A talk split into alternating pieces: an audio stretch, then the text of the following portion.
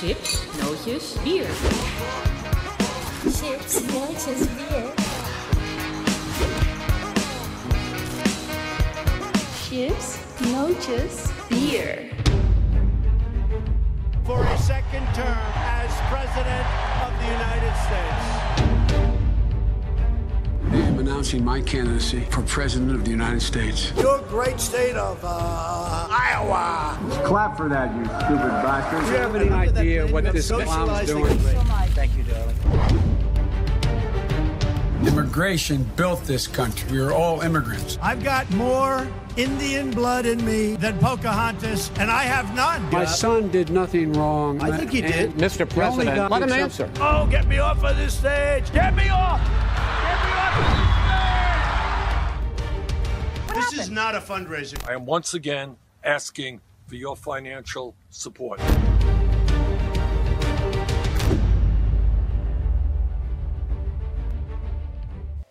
Goedenavond, het is eh, iets over negen en het is donderdagavond. Welkom bij Chips, Nootjes, Bier. Onze kroegdeuren zijn weer geopend. De tap is leeg, we hebben vandaag flesjes bier. En we hebben uiteraard een speciale gast, journalist al jaren en de laatste 15 jaar denk ik bij RTL. Ook een uitgebreid en zeer populaire award-winning podcast met Bert Brussen, onze oude collega. En de man heeft een heerlijke zoetgevoelige stem. Dames en heren, de handjes om elkaar. Roderick Velo. Dankjewel, Tom. Goedenavond. Goedenavond. Leuk dat je er bent. Laat ik eerst wat wil je drinken? Eh, doe maar een spaatje nog We even. beginnen ja, nog even aan de, wel aan de bubbels, maar eh, Ja, goed. Dat mag, het mag. Je mag alles drinken, je mag alles zeggen. Dat is ook aan jou al besteed. Je neemt ook niet echt een blad voor de mond. Nee. nee. En je hebt vandaag... eh, oh, je krijgt... er. Ik ben blij dat, eh, dat eh, onze stamgast eh, de boel een beetje netjes houdt. Veeltje erbij. Proost. En je hebt vandaag, of deze week bekendgemaakt dat je weggaat bij RTL. Ja. En dat je voor jezelf gaat beginnen.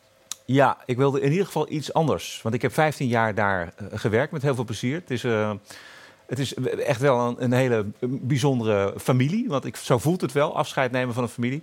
Maar ik heb daar alles gedaan wat leuk is. Eh, en eh, leuker wordt het niet, denk ik. Nee? en na- Je hebt de top bereikt? Ik heb de top daar bereikt. En eh, na 15 jaar vond ik het helemaal genoeg.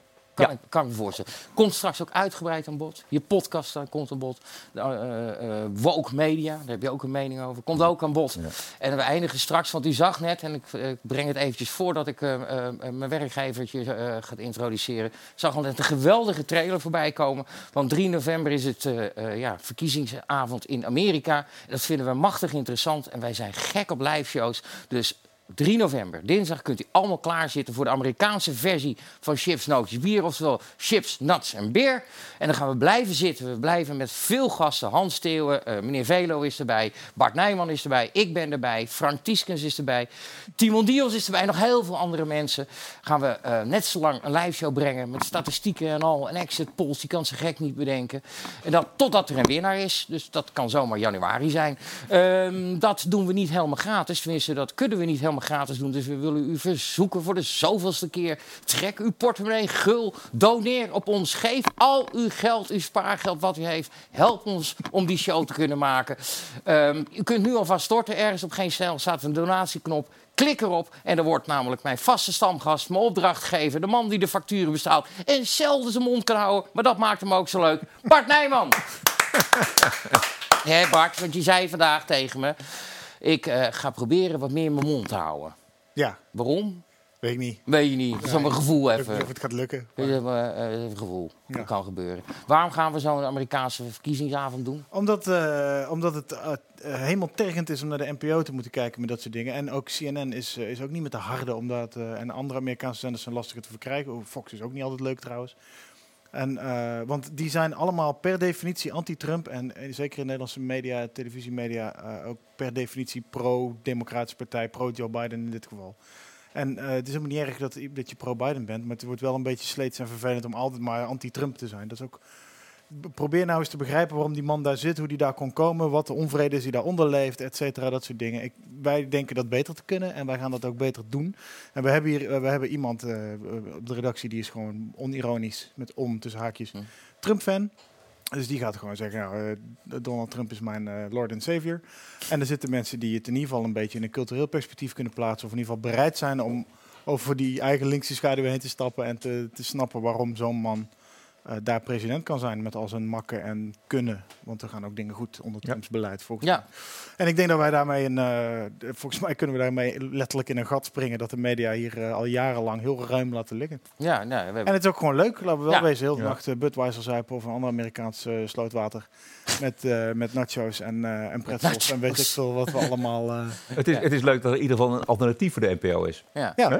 Nou, we hebben het met de Europese verkiezingen afgedaan toen met Maurice de Hond. Nou, was toevallig ja dat, ging, dat ging natuurlijk echt Ja. om, om het exit poll, om echt het controleren van het democratisch proces. En dit is gewoon omdat het, dit is gewoon voor hobbyisten en liefhebbers. Want Ja. wij zijn natuurlijk een soort van eh 51ste staat van Amerika, als je sommige Nederlandse Amerika-fans, waaronder ik zelf mag geloven. En eh, die verdienen het volgens mij om ook eh, op een wat eh, minder rabiaat anti-Trump wijze van informatie te worden voorzien. Ja. Door mensen die het leuk vinden om dat te doen. En we hebben dus Hans Steeuwen, Theode Homman, eh, misschien komt Geert en Waling nog. eh nou, Roderick komt ook. We Nou, hebben maar al een hoop... alle tijd. we hebben de hele redactie trekken we uit de kast. We gaan... eh, Nou, en eh, toch een speciale vermelding voor, voor Ronaldo, Frank, onze man van de statistieken, die eigenlijk een soort Dionne Staks hier gaan, rol gaat vervullen. Hij trekt ook een jurk aan, begrijp ik. ja, hij krijgt zijn eigen hologram. ja. En ja, Ja. nee, het wordt allemaal fantastisch. Wordt het. ja, nee, dat, mits, mits we genoeg geld ophalen voor al die extra's natuurlijk. ja, ja, doneer mensen, doneer. statische camera met... We zijn arm, we zijn arm. Maar goed, maakt niet uit. Goh, het is al tijd voor het nieuws van de dag. We kunnen er niet omheen, dames en heren. Als u 18 bent en u gaat studeren en u stemt op eh, eh, Jesse Klaver... dan komt u straks heel bedrogen uit. Want die 10.000 euro die hij u belooft, die gaat er natuurlijk nooit komen. Jesse Klaver belooft 10.000 euro, Roderick, als je Ja. gaat studeren. Ja. Ja. Het is het idee van eh, Thomas Piketty. Die heb ik Joh, voor RTL. verrassend. Ja, heel verrassend. Ja. Eh, die heb ik een keer geïnterviewd voor RTL. En die eh, stelde een hoger bedrag ehm, eh, in het vooruitzicht voor jonge mensen. 10.000 euro is nou, eh, een schijntje als je het vergelijkt met wat Piketty wilde, geloof ik, 50 of 100.000 euro geven. Ehm, en dat moet dan komen van natuurlijk de rijken. Ja. Ik zag, eh, Is niet van ons. Nee, is niet van ons. Maar dat is ook een vergissing eigenlijk. Want ik ehm, las op. Eigenlijk, als je, als je goed leest wat het voorstel inhoudt, dan eh, komt het eigenlijk vandaan bij de, bij de, bij de middenstanders, bij de, bij de zelfstandigen. Eh, box 3, daar zit het eh, geld, daar zit de, het spaargeld voor de zelfstandigen, daar zit het eigen huis. En ehm, daar moet het vandaan komen. Dus ja, het is vest strak boekzak. Het moet, gaat ergens vandaan en het, ehm, het, moet, het moet naar de, naar de jongeren toe. Eén geluk Maar voor het, mij. is, het is eigenlijk een, het is een eh, onvoorstelbaar populistisch ja, ja, eh, voorstel op. natuurlijk. Hè? Nee, toch, Bert? gratis geld zijn het met twee meest, dus de meest populistische samenvoeging van twee woorden Ja. die je kan maken. Van. Ja. Maar ik, je had het net over box 3. Ik heb echt één geluk. Ik ben 43. Ik ben nog nooit in de buurt van box 3 geweest. Toen die vorige keer die kredietcrisis, iedereen met spaargeld en huizen had het zwaar. Ja. Ja. bij mij was het geld toch al op. Dus Ja. dat, eh, En, en wat is nou eigenlijk de, de, de ideologische eh, uitleg daarvan? Hè? Nou, laat ik, ik heb even een klein stukje van eh, eh, 3FM eh, geript. Dus of het mag, weet ik niet. Maar hij zat vanmiddag bij eh, Frank en Eva in het programma eh, tussen 4 en 7 op, op 3FM. Dat heeft hij waarschijnlijk niet meegekregen, want niemand luistert ernaar. Maar ik wel. En dan gaan we heel, ik heb er even een paar quotejes uit. Gaan we heel eventjes naar luisteren. En dan gaan we het daarna er uitgebreid over hebben. In startje 1, alsjeblieft. Wat heel interessant aan de reacties die, we, die ik vandaag heb gekregen. We hebben op via socials echt onwijs veel reacties gekregen. Het zijn eigenlijk oudere mensen, dus de, de van jouw leeftijd zeg maar, of onze leeftijd. Dan krijg je dit soort reacties. Noem je me nou oud, Jesse?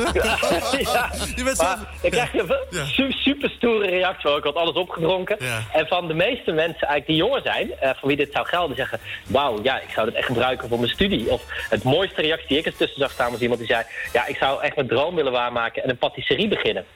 Eh, en ik denk dat als je mensen verantwoordelijkheid geeft en zegt: Oké, denk er even heel goed na. Dit is een enorme kans voor je om te investeren in je eigen toekomst. Hoe ga je dat doen? Dat de meeste mensen, de meeste jongeren daar heel verantwoordelijk mee omgaan. Maar Jesse, je bent 18. Ik had echt, ik, ik, ik, ben toevallig journalistiek gaan studeren. Gewoon natte vi- vingerwerk was het. Gewoon oeh, in de studiegids. Oké, ik ga dat doen. Ik had geen idee wat ik wilde doen en wat ik wilde worden later. Dus, dus je kan het toch veel beter dan uitspreiden zoals ooit eh, de prestatiebeurs was. eh, wat- wat we hadden met de studiefinanciering. Dat je gewoon per jaar ja. wat krijgt als je een keuze hebt gemaakt. In plaats van voordat je een keuze hebt gemaakt. Ja, maar dat, oké, dat kan. Je kan terug naar de basisbus, maar dat is wat ons plan echt anders maakt. Ja, vooral heel erg grappig is dat hij die basisbeurs, die dus op onder, onder andere zijn plan is afgeschoten met zijn eh leenbeurs en zo voor de studenten, dat hij daar ook helemaal niet eh, verder op terugkomt. Maar ja, hij zegt ja, die eigenlijk zijn 18-jarigen slim genoeg. De een wil een patisserie, patisserie beginnen, de ander wil stukken Nee, maar, worden. En- dit is het, het verhaal erbij. Maar waar het natuurlijk in de kern om gaat, is nivelleren. Het, het moet gelijk getrokken worden op een of andere manier. Dus er moet van de rijken of van de hardwerkende Nederlanders moet er iets afgehaald worden. En dat moet ergens heen. Kan naar de jongeren, dat is dus het idee van Piketty. Maar eh, wat, wat Klaver overneemt. Maar de gedachte dat eh, jongeren van 18 jaar iets zinnigs gaan doen met die 10.000 euro. Ja, dat is natuurlijk maar helemaal de vraag. Maar hij, hij geeft een aantal voorbeelden. Hè, een patisserie beginnen. eh, ik, denk, ik denk dat jongeren heel creatief zijn. Ja, dat denkt hij. Maar dat, dat, dat is hem eigenlijk, dat, is, dat staat op een tweede, derde plaats. Waar het om gaat, is het, over, is het herverdelen van geld. ja, En dat is, dat is GroenLinks. wat je noemt, ja, dat is GroenLinks. Maar denk je dat studenten hier intrappen? Want het is gewoon een verkiezingsstunt. Dit ga je in geen enkele coalitie voor elkaar Ja, krijgen. volgens mij, GroenLinks is natuurlijk al heel erg populair onder eh, studenten. Eh, volgens mij wedijveren ze heel erg met eh, Forum voor Democratie, die ook natuurlijk die rechtsstudenten heeft. Rechtse studenten. Ja, ik, blijkbaar vinden ze het nodig om, om nog meer jongeren te trekken. Ik weet het niet. Ja, maar ik denk wel dat daar eh, voor hun winst te behalen is. Ja, ze hebben natuurlijk op het schild gegeven als populaire, snelle jongen, mooi pakken. En er stonden 1500 man in de jaarbeurs, stonden meisjes stonden te schreeuwen en te gillen als verdomme, verdomme de Beatles het podium opkwamen. man. ja. Dat is, die, die sfeer is neergezet. Precies, en dan kies je Daar- natuurlijk niet voor niks 18 jaar, want vanaf 18 mag je stemmen. Eh, Ja, tuurlijk. hè, dus dat is, dat, is, dat is de gedachte erachter. Goed, Bart.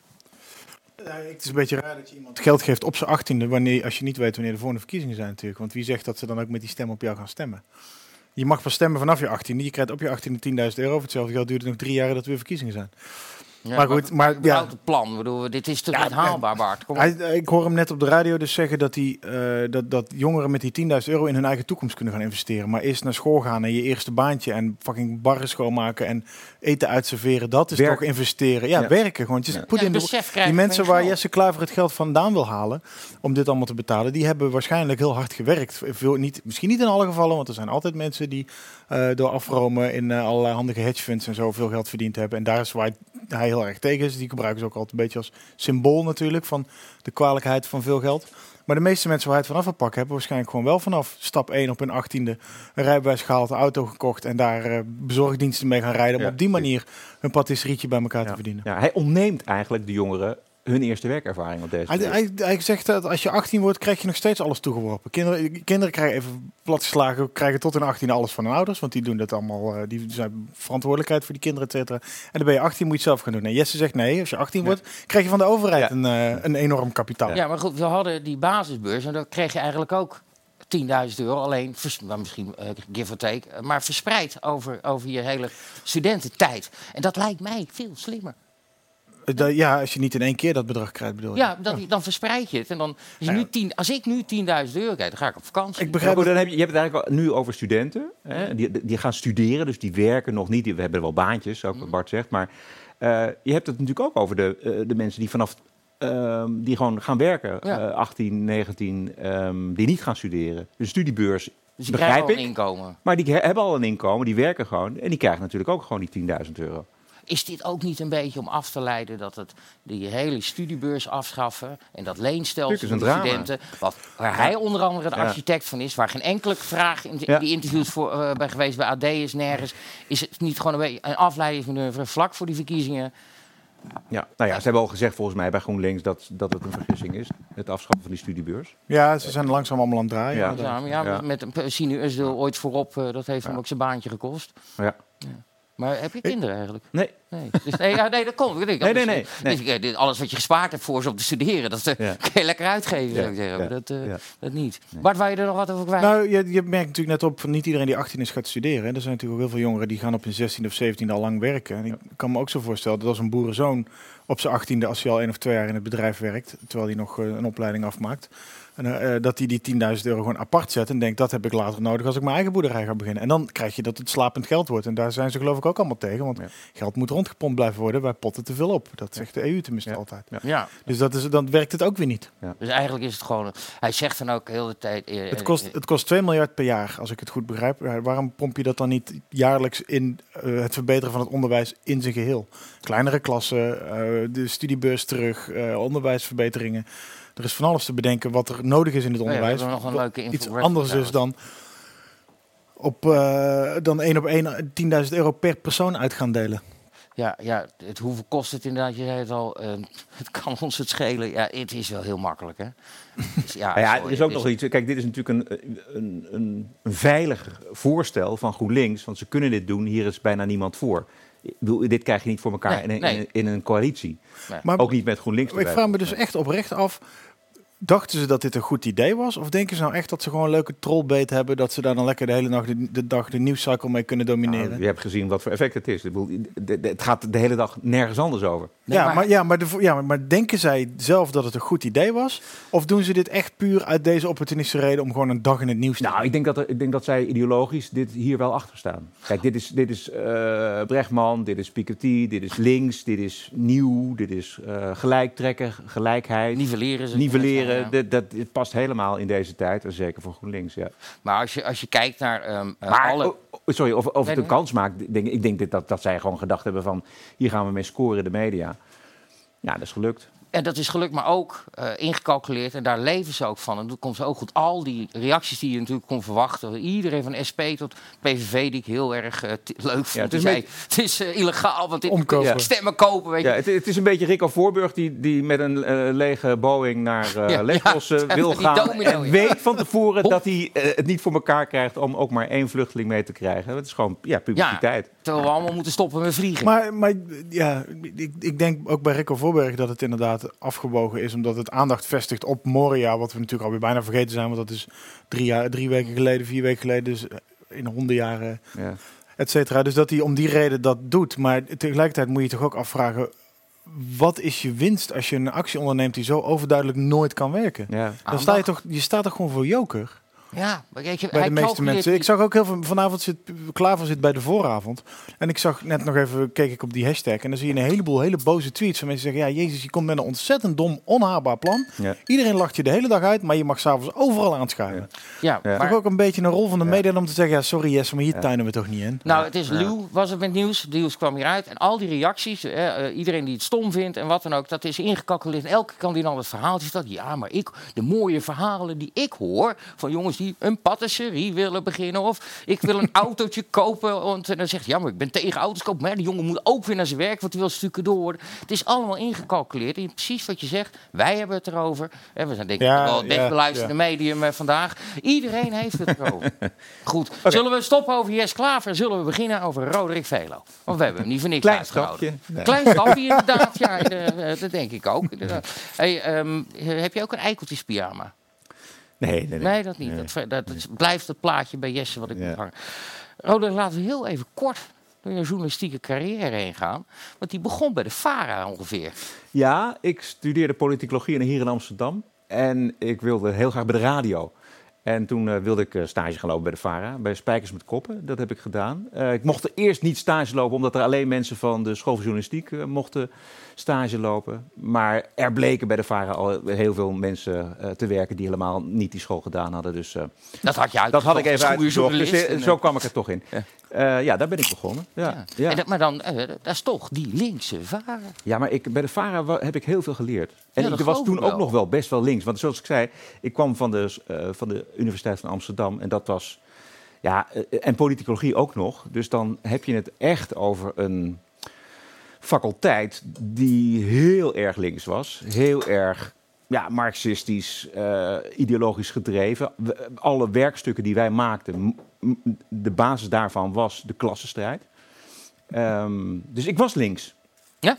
Ja, zeker. Dat wel, ja, het is, het is Ja. dat toch weer het Dus klassieke voorbeeld. goed. eh, Ja, ik voelde me heel goed bij de VARA. Oh, Ja. de, Churchill-uitspraak, eh, die 18 is die, en geen socialist, die heeft geen, eh, geen hart. Hart. En wie 30 is en nog steeds socialist, heeft geen verstand. Dat, zoiets. Ja, zo dat- was ja, het. dat is wel dus het is wel opgeschoven. Ja, Hoe lang heb je er gezeten bij de Varen?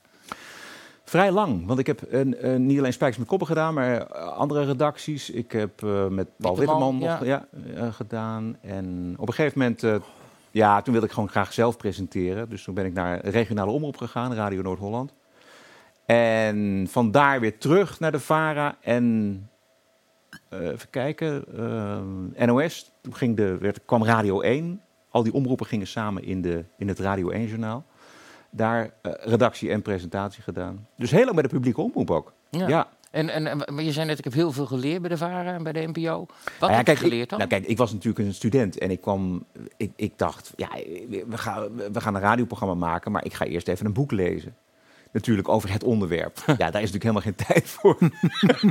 dus ja, ik, ik heb daar geleerd gewoon hard werken, eh, gasten, gasten regelen, onderwerpen in no time eh, verzinnen. Dus ik moest, ik, ja, ik was een student, dus en ik moest een, ik moest een journalist worden. Ja, nou dat is gelukt. eh. en, dat niet, is- en, eh, ja. en, en niet zo verkeerd ook, denk ik, eh, toch? Want uiteindelijk kom je via SBS. Ja. En dan, wa- wat deed je daar? Ja, ik, ik, ik was helemaal. Ik ben, ben eigenlijk een radioman, dus ik, ik was heel erg Oh, je van de hebt een radio. tv-hoofd. En Ja, een radiostem. Ja, nou ja, misschien wel. Maar ik was. Beste van twee werelden. Dus. Ja. Ja, en, maar het is dus wel een grappig verhaal. Ik was. eh, via de, ik kende Twan Huis via de VARA. En Twan die zat in New York en die kwam terug naar Amsterdam. En die belde mij en die zei van... eh, ik moet- heb een parkeervergunning nodig. Hoe, hoe, hoe regel ik dat hier? Nou, ik gaf hem een paar tips. En toen zei hij van... ik ben in gesprek met SBS 6 voor een nieuw nieuwsprogramma. Maar ik doe het niet. Maar is het niet iets voor jou? Dus toen zei ik, nou ja, als jij gaat afzeggen, noem mijn naam dan maar. Diezelfde middag word ik nog gebeld door SBS. Eh, wil je even langskomen? Eh, daar zat... En die voor heb jij dat haar al, hoofdredacteur van Hart van Nederland onder andere... en ook van het, eh, van het SBS Nieuws toen. En die voor heb jij dat haar altijd zo? Zei ik, dat heb ik altijd zo. Dat klinkt nu gek. En eh, die ging eh, oefenen met mij. En ja, zo ben ik eigenlijk bij de televisie gekomen. Maar ehm, wat ik altijd heel frappant vond aan eh, begintijd van SBS en zo, eh, dat werd door de politiek als not dom beschouwd om daar aan te schuiven. Ja. Klootjesvolk. Dat is ten tijde van Balken een beetje. Die ging als eerste aan een desk staan bij RTL Boulevard bijvoorbeeld. En Geert Oh, ja, Wilders ja, ging ja, eerst ja. die zes- Heb je dat meegemaakt, die, die opschuiving? Dat, dat, dat Hart van Nederland, ja, daar kwam men toch achter dat er een miljoen mensen naar keken. En die stemmen ook. Dat is dan misschien niet het meest serieuze nieuws, maar wel, eh, er zit wel een groep ja, mensen die. nou, die de kijkers werden ontdekt inderdaad. Ja. Ja, Heb je dat meegemaakt daar ook zo? Dat nou, daar niet echt. Wat ik daar wel heb, ik heb daar wel 9-11 meegemaakt. Ja. Eh, dat, toen heb ik daar opeens een paar uur zat ik daar eh, als een groentje, ehm, als enker, eh, te praten met de, de verslaggevers, eh, waar ook ter wereld, ook eentje in New York. Die heb je live verslagen. Ja, Ja, sorry, ja. ik zat echt vol verbazing naar de NPO te kijken toen, naar NOS, excuus. Maar Ja, nee, nee, nee. nee. Ja, wij hadden natuurlijk een klein, klein zendertje. Ehm, maar die, die rubriek, dat was een echt serieus bedoelde nieuwsrubriek. Huh? Samen met Leo de Later prese- presenteerde ik dat. Dat moest er komen, dus naast het NOS-journaal, naast RTL Nieuws. En dan moest er een derde, nou, misschien nog iets populairdere eh, nieuwsrubriek komen. En dat deden wij. Maar dat, dat, daar bleek dan toch geen markt voor te zijn. Dus ik heb dat niet lang gedaan. Maar Nee. ook wel weer geleerd natuurlijk. Maar ook wel weer eh, naar televisie geleerd, ja. ja, ja, en Ja. toen kwam je bij RTL. Nee, toen Oh, heb ik nog... eh, wat- nee, heb ik iets gemist. Jij bent ook nog bij de Tros gewerkt. Naar de boer. Samen, ja, ja, ja, ja, Samen met feest. Jack van Gelder eh, deden we. Dat is wel nieuws- één brok enthousiasme. Nieuws en voetbal, ja, nee, dat was echt leuk. En dat was live. En dat was, dat was dus echt de NPO was dat. Dus, en ik was, was daar zo bloednerveus voor. Ja? Ja, ik, Vond je live lastig? Nog oh steeds? man, nee, nee, nee, helemaal niet. Dat geeft natuurlijk extra energie. Maar ik had, ik had gewoon weinig ervaring. En ik moest een, heel, ik moest een hele show moest ik dragen. Nou, eh, voor iemand die anderhalf jaar bij SBS eh, Nieuws heeft gewerkt, is het best zwaar. Maar we hadden een tafel met Willem Oltmans, met eh, Mark Rutte, die toen Ja, ja. staatssecretaris was. Die kwam Onderwijs, gewoon- ja. En die kwamen, dat, dat namen het nieuws door. En er zat één interview in eh, met, eh, noem maar wat, eh, Hans Wiegel of zo. En nou, dat moest allemaal ja, ge- gerepeteerd worden. En dat was, dat was echt serious. Serious Jack TV. Gelder, Ja, maar die gaat zo snel. hij deed het is- voetbalgedeelte en ik deed het nieuwsgedeelte. Maar ja, ik, ik heb hem altijd erg hoog zitten. Ik, moet, ik, ik, ik, Ja, ik is- waardeer zijn enthousiasme heel erg. Ja. Ben je- en toen inmiddels wel een keer RTL of zat Nee, toen zat er ook nog, zat er ook nog Radio 2 eh ontbijtradiopresentatie tussen. En daarna werd het... En toen heb ik ook nog met Jan Kuitenbrouwer een... eh, een eh, hoe heet dat ook weer? Dat Haagse programma bij de Tros. Wat nu... Haagse zaken? Nee. Hoe? Nee, eh, Nee. op de radio bedoel je? Ja, Met waar nu Mieke ja. van der Wij zit? eh? Precies, ja. Ja, Nee. nee. het is nu overgenomen door Max of zo. Ja, Kees Boman doet het nu. ja, ja. Nou ja, goed. Maakt niet, ik denk dat ik weet wat je bedoelt. Maar Ik heb heel veel gedaan. zo, dat kun je wel zeggen. Ja. Eh, Oké, maar uiteindelijk eh, gaan we even, ik ga die stap zetten naar Ja. Want daar heb je dan, ben je bijna 15 jaar gezeten. Precies, ja. Dus vandaar dat het... RTL Z, het gezicht. Ja. Met Ad van Liemt ook een beetje als gezicht. ja, Roland Koopman, Peter van Zadelhof. Ja. Ja. Vind je het een succes geworden, RTL Z? Even los van jezelf, maar de zender Nou, het is een, het is een, het is een, een echte niche-zender. Het is dus... ehm, Ik schrok namelijk van de kijkcijfers. Ja, dat, die kijkcijfers zijn niet goed. We moeten het hebben van een aantal pieken. Maar het is altijd een niche geweest. En we hebben het natuurlijk heel erg goed gedaan met de crisis. Uh, de, de, financiële ja, crisis. snap ik, ja. En met breaking news doen we het ook goed. Dus het is een beetje achter de hand zender ook voor RTL. Want wij kunnen heel snel schakelen. Als Ja. er uh, een terreuraanslag is of wat dan ook, dan, dan zijn wij, kunnen wij binnen 10 minuten kunnen wij op zender zijn. En dan verslaan we ook het NOS-journaal. Want die moeten dat over veel meer Ja. schijven doen. En dat duurt veel langer. Ehm, dus het heeft absoluut zijn functie. Uh, maar ja, er wordt zo in het algemeen natuurlijk vrij minder televisie gekeken. En veel Ja. meer online. Ja. En die, nou ja, we proberen het een beetje te combineren. Is die stap gelukt, vind je, van RTL Z naar online ook? Dat daar ook de kijkers gepakt worden? Of?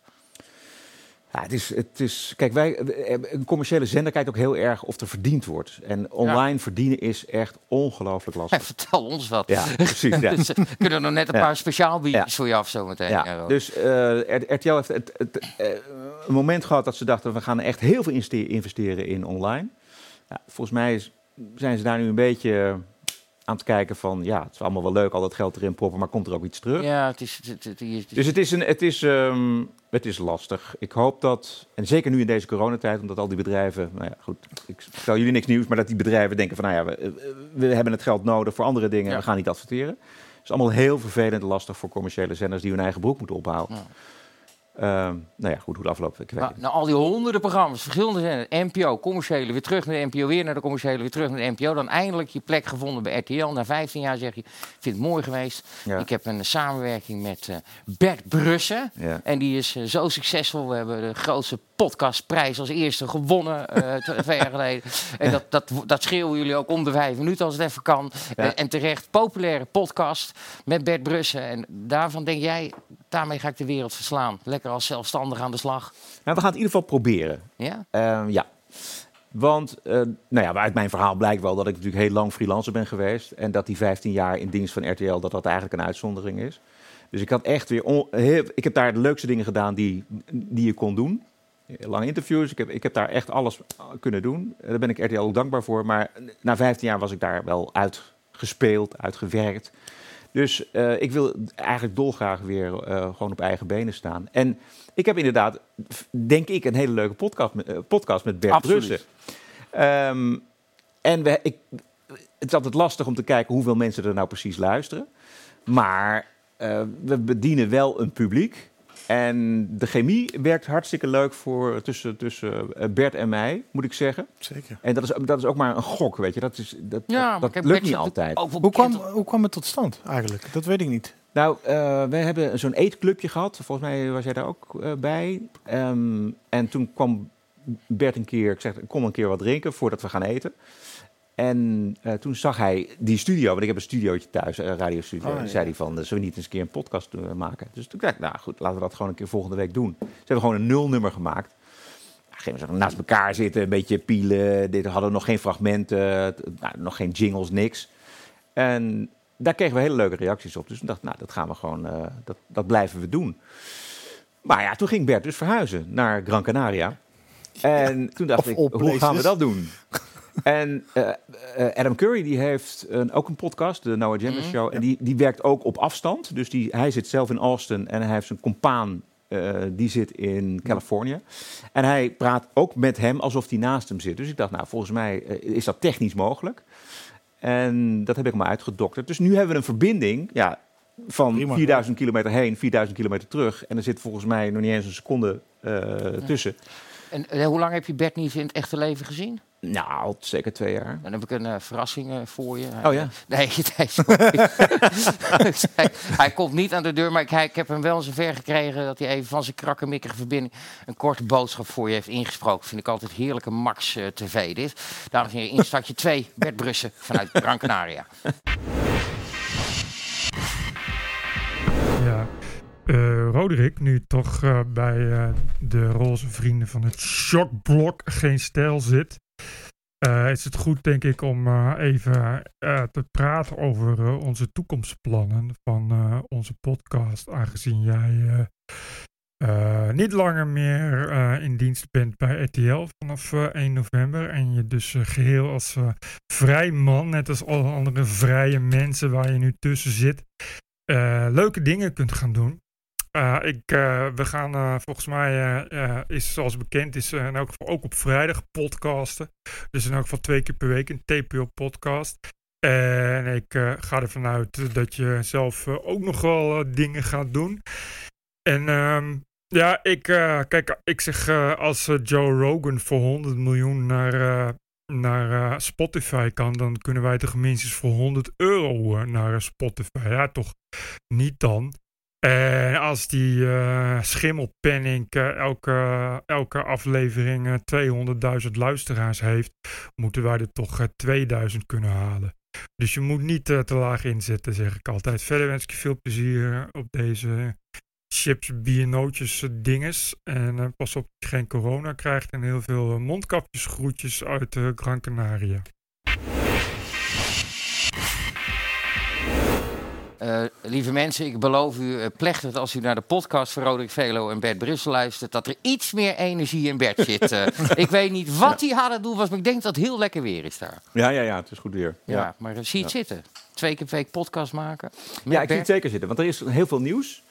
En ik eh, moet altijd een aantal fragmenten weggooien, omdat er eigenlijk geen plek meer is. En ik denk dat in het begin de vrijdagpodcast ietsje korter zal zijn dan de dinsdagpodcast.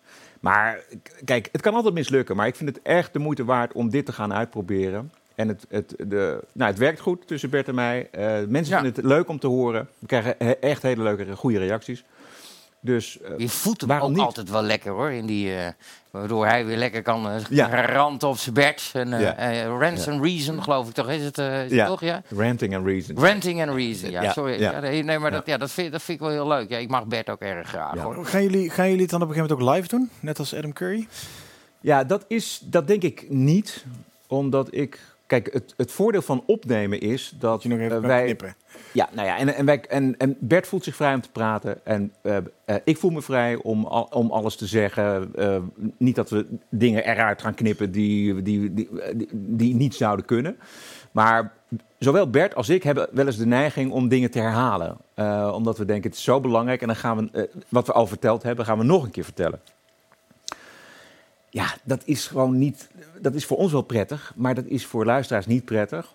En met het monteren van die podcast eh, hou je het op één keer en blijft de vaart erin. En ik vind het monteren zelf ook ontzettend leuk Ja? om te doen. Ja. Ja. Ja. dan merk ik ook wel dat je echt een radioman bent. Met die clipjes tussendoor, dat, dat gaat wel heel smooth. Ja, nou die clipjes die start ik altijd eh, live in. Oké. Maar we nemen meestal anderhalf uur op. En als ik daar een half uur of twintig minuten uithaal, dan loopt het gewoon lekkerder. Oké, Ja. ik ben benieuwd. eh, eh, spannend. Hoe lang doe je erover om dat terug te snoeien? Ehm, even kijken, ik ben, ben, eh, nou, ben ik wel eh, zeker een uur mee bezig. Oh, dat Ja. valt mee. Ja. Jij, zegt net, wij vinden ons, eh, zowel Bert als ik voelen ons vrij om alles te zeggen. Ja. Vind jij, eh, je voelt wel een beetje waar ik naartoe wil gaan, naar de woke media natuurlijk. Ja. Vind je dat je op dit moment alles kunt zeggen? Kun je nog, eh, ook bij RTL, eh, je, je schrijft ook columns schreef je op, Ja. op de site. Nou, af en toe hard van leren. Ik vind je altijd een hele lieve man overkomen. Dan die Ja. je mening over doe. Nou, Ja. denk ik. voelt toch, heb je daar ook mee te maken met de cancel culture en de woke shit? Nou, wel eh, van buiten RTL heb ik daarmee te maken. Want er zijn best een aantal keer mensen geweest die tot in de hoofdredactie hebben geprobeerd te zeggen van Roderick Velen moet, dat moet die column moet eraf. Ja? Ja. Om welke column dan ging dat dan? Eh, dat ging om een column waarin ik het had over, Marokka of, eh, over Marokkaanse jongeren, waarvan wordt weggekeken, eh rellende, Mhm. Marokkaanse reljongeren, waarvan wordt weggekeken door de pers en de politiek. Dat vond ik echt. En ehm, nou, dat vonden mensen een racistisch. ehm, En zijn dat mensen binnen RTL? Nee, nee, nee. Mensen Nou, misschien dat- misschien zijn het dat- gewoon no-no's die je mail sturen? Of zijn het adverteerders? Of- nee, het zijn geen adverteerders, maar het zijn mensen die dat lezen.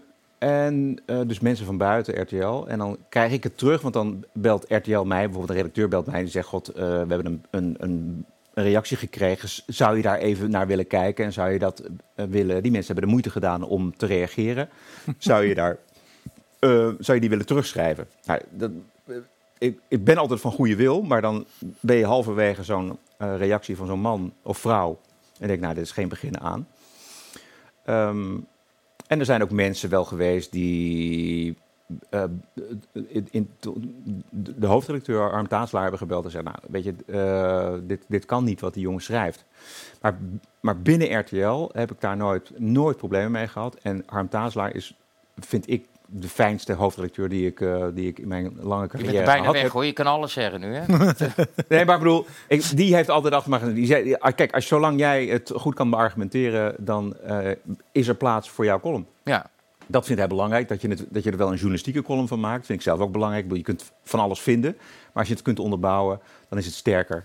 Ja, jullie hebben het wel vaak over die woke culture, zeg maar, ook in media. Nou, ik vind het, ik vind het ik, de grootste bedreiging voor eh, onze individuele vrijheid. Ja, Ja? absoluut. Ja, zeker. En, en, en Ja. waar zie je dat vooral in terug, in concrete Nou, voorbeelden? Nou, ik, ik zie het bijvoorbeeld terug. ehm, je ziet het iedere dag eh, dat er. Nou, bijvoorbeeld, ik had een- vandaag een column en daarin eh, haal ik aan eh, Quinn Simmons. Dat is een wielrenner, Amerikaanse wielrenner. En die heeft ehm, gereageerd op een tweet van een Nederlandse journaliste. Die zei: Iedereen die op Trump stemt, al mijn volgers die op Trump stemmen, wegwezen. Toen heeft hij daarop gereageerd, want hij stemt op Trump. En dan had hij gereageerd met een, met een bruin handje. Een zwaaiend, ja, zwaaiend handje. Een zwaaiend handje.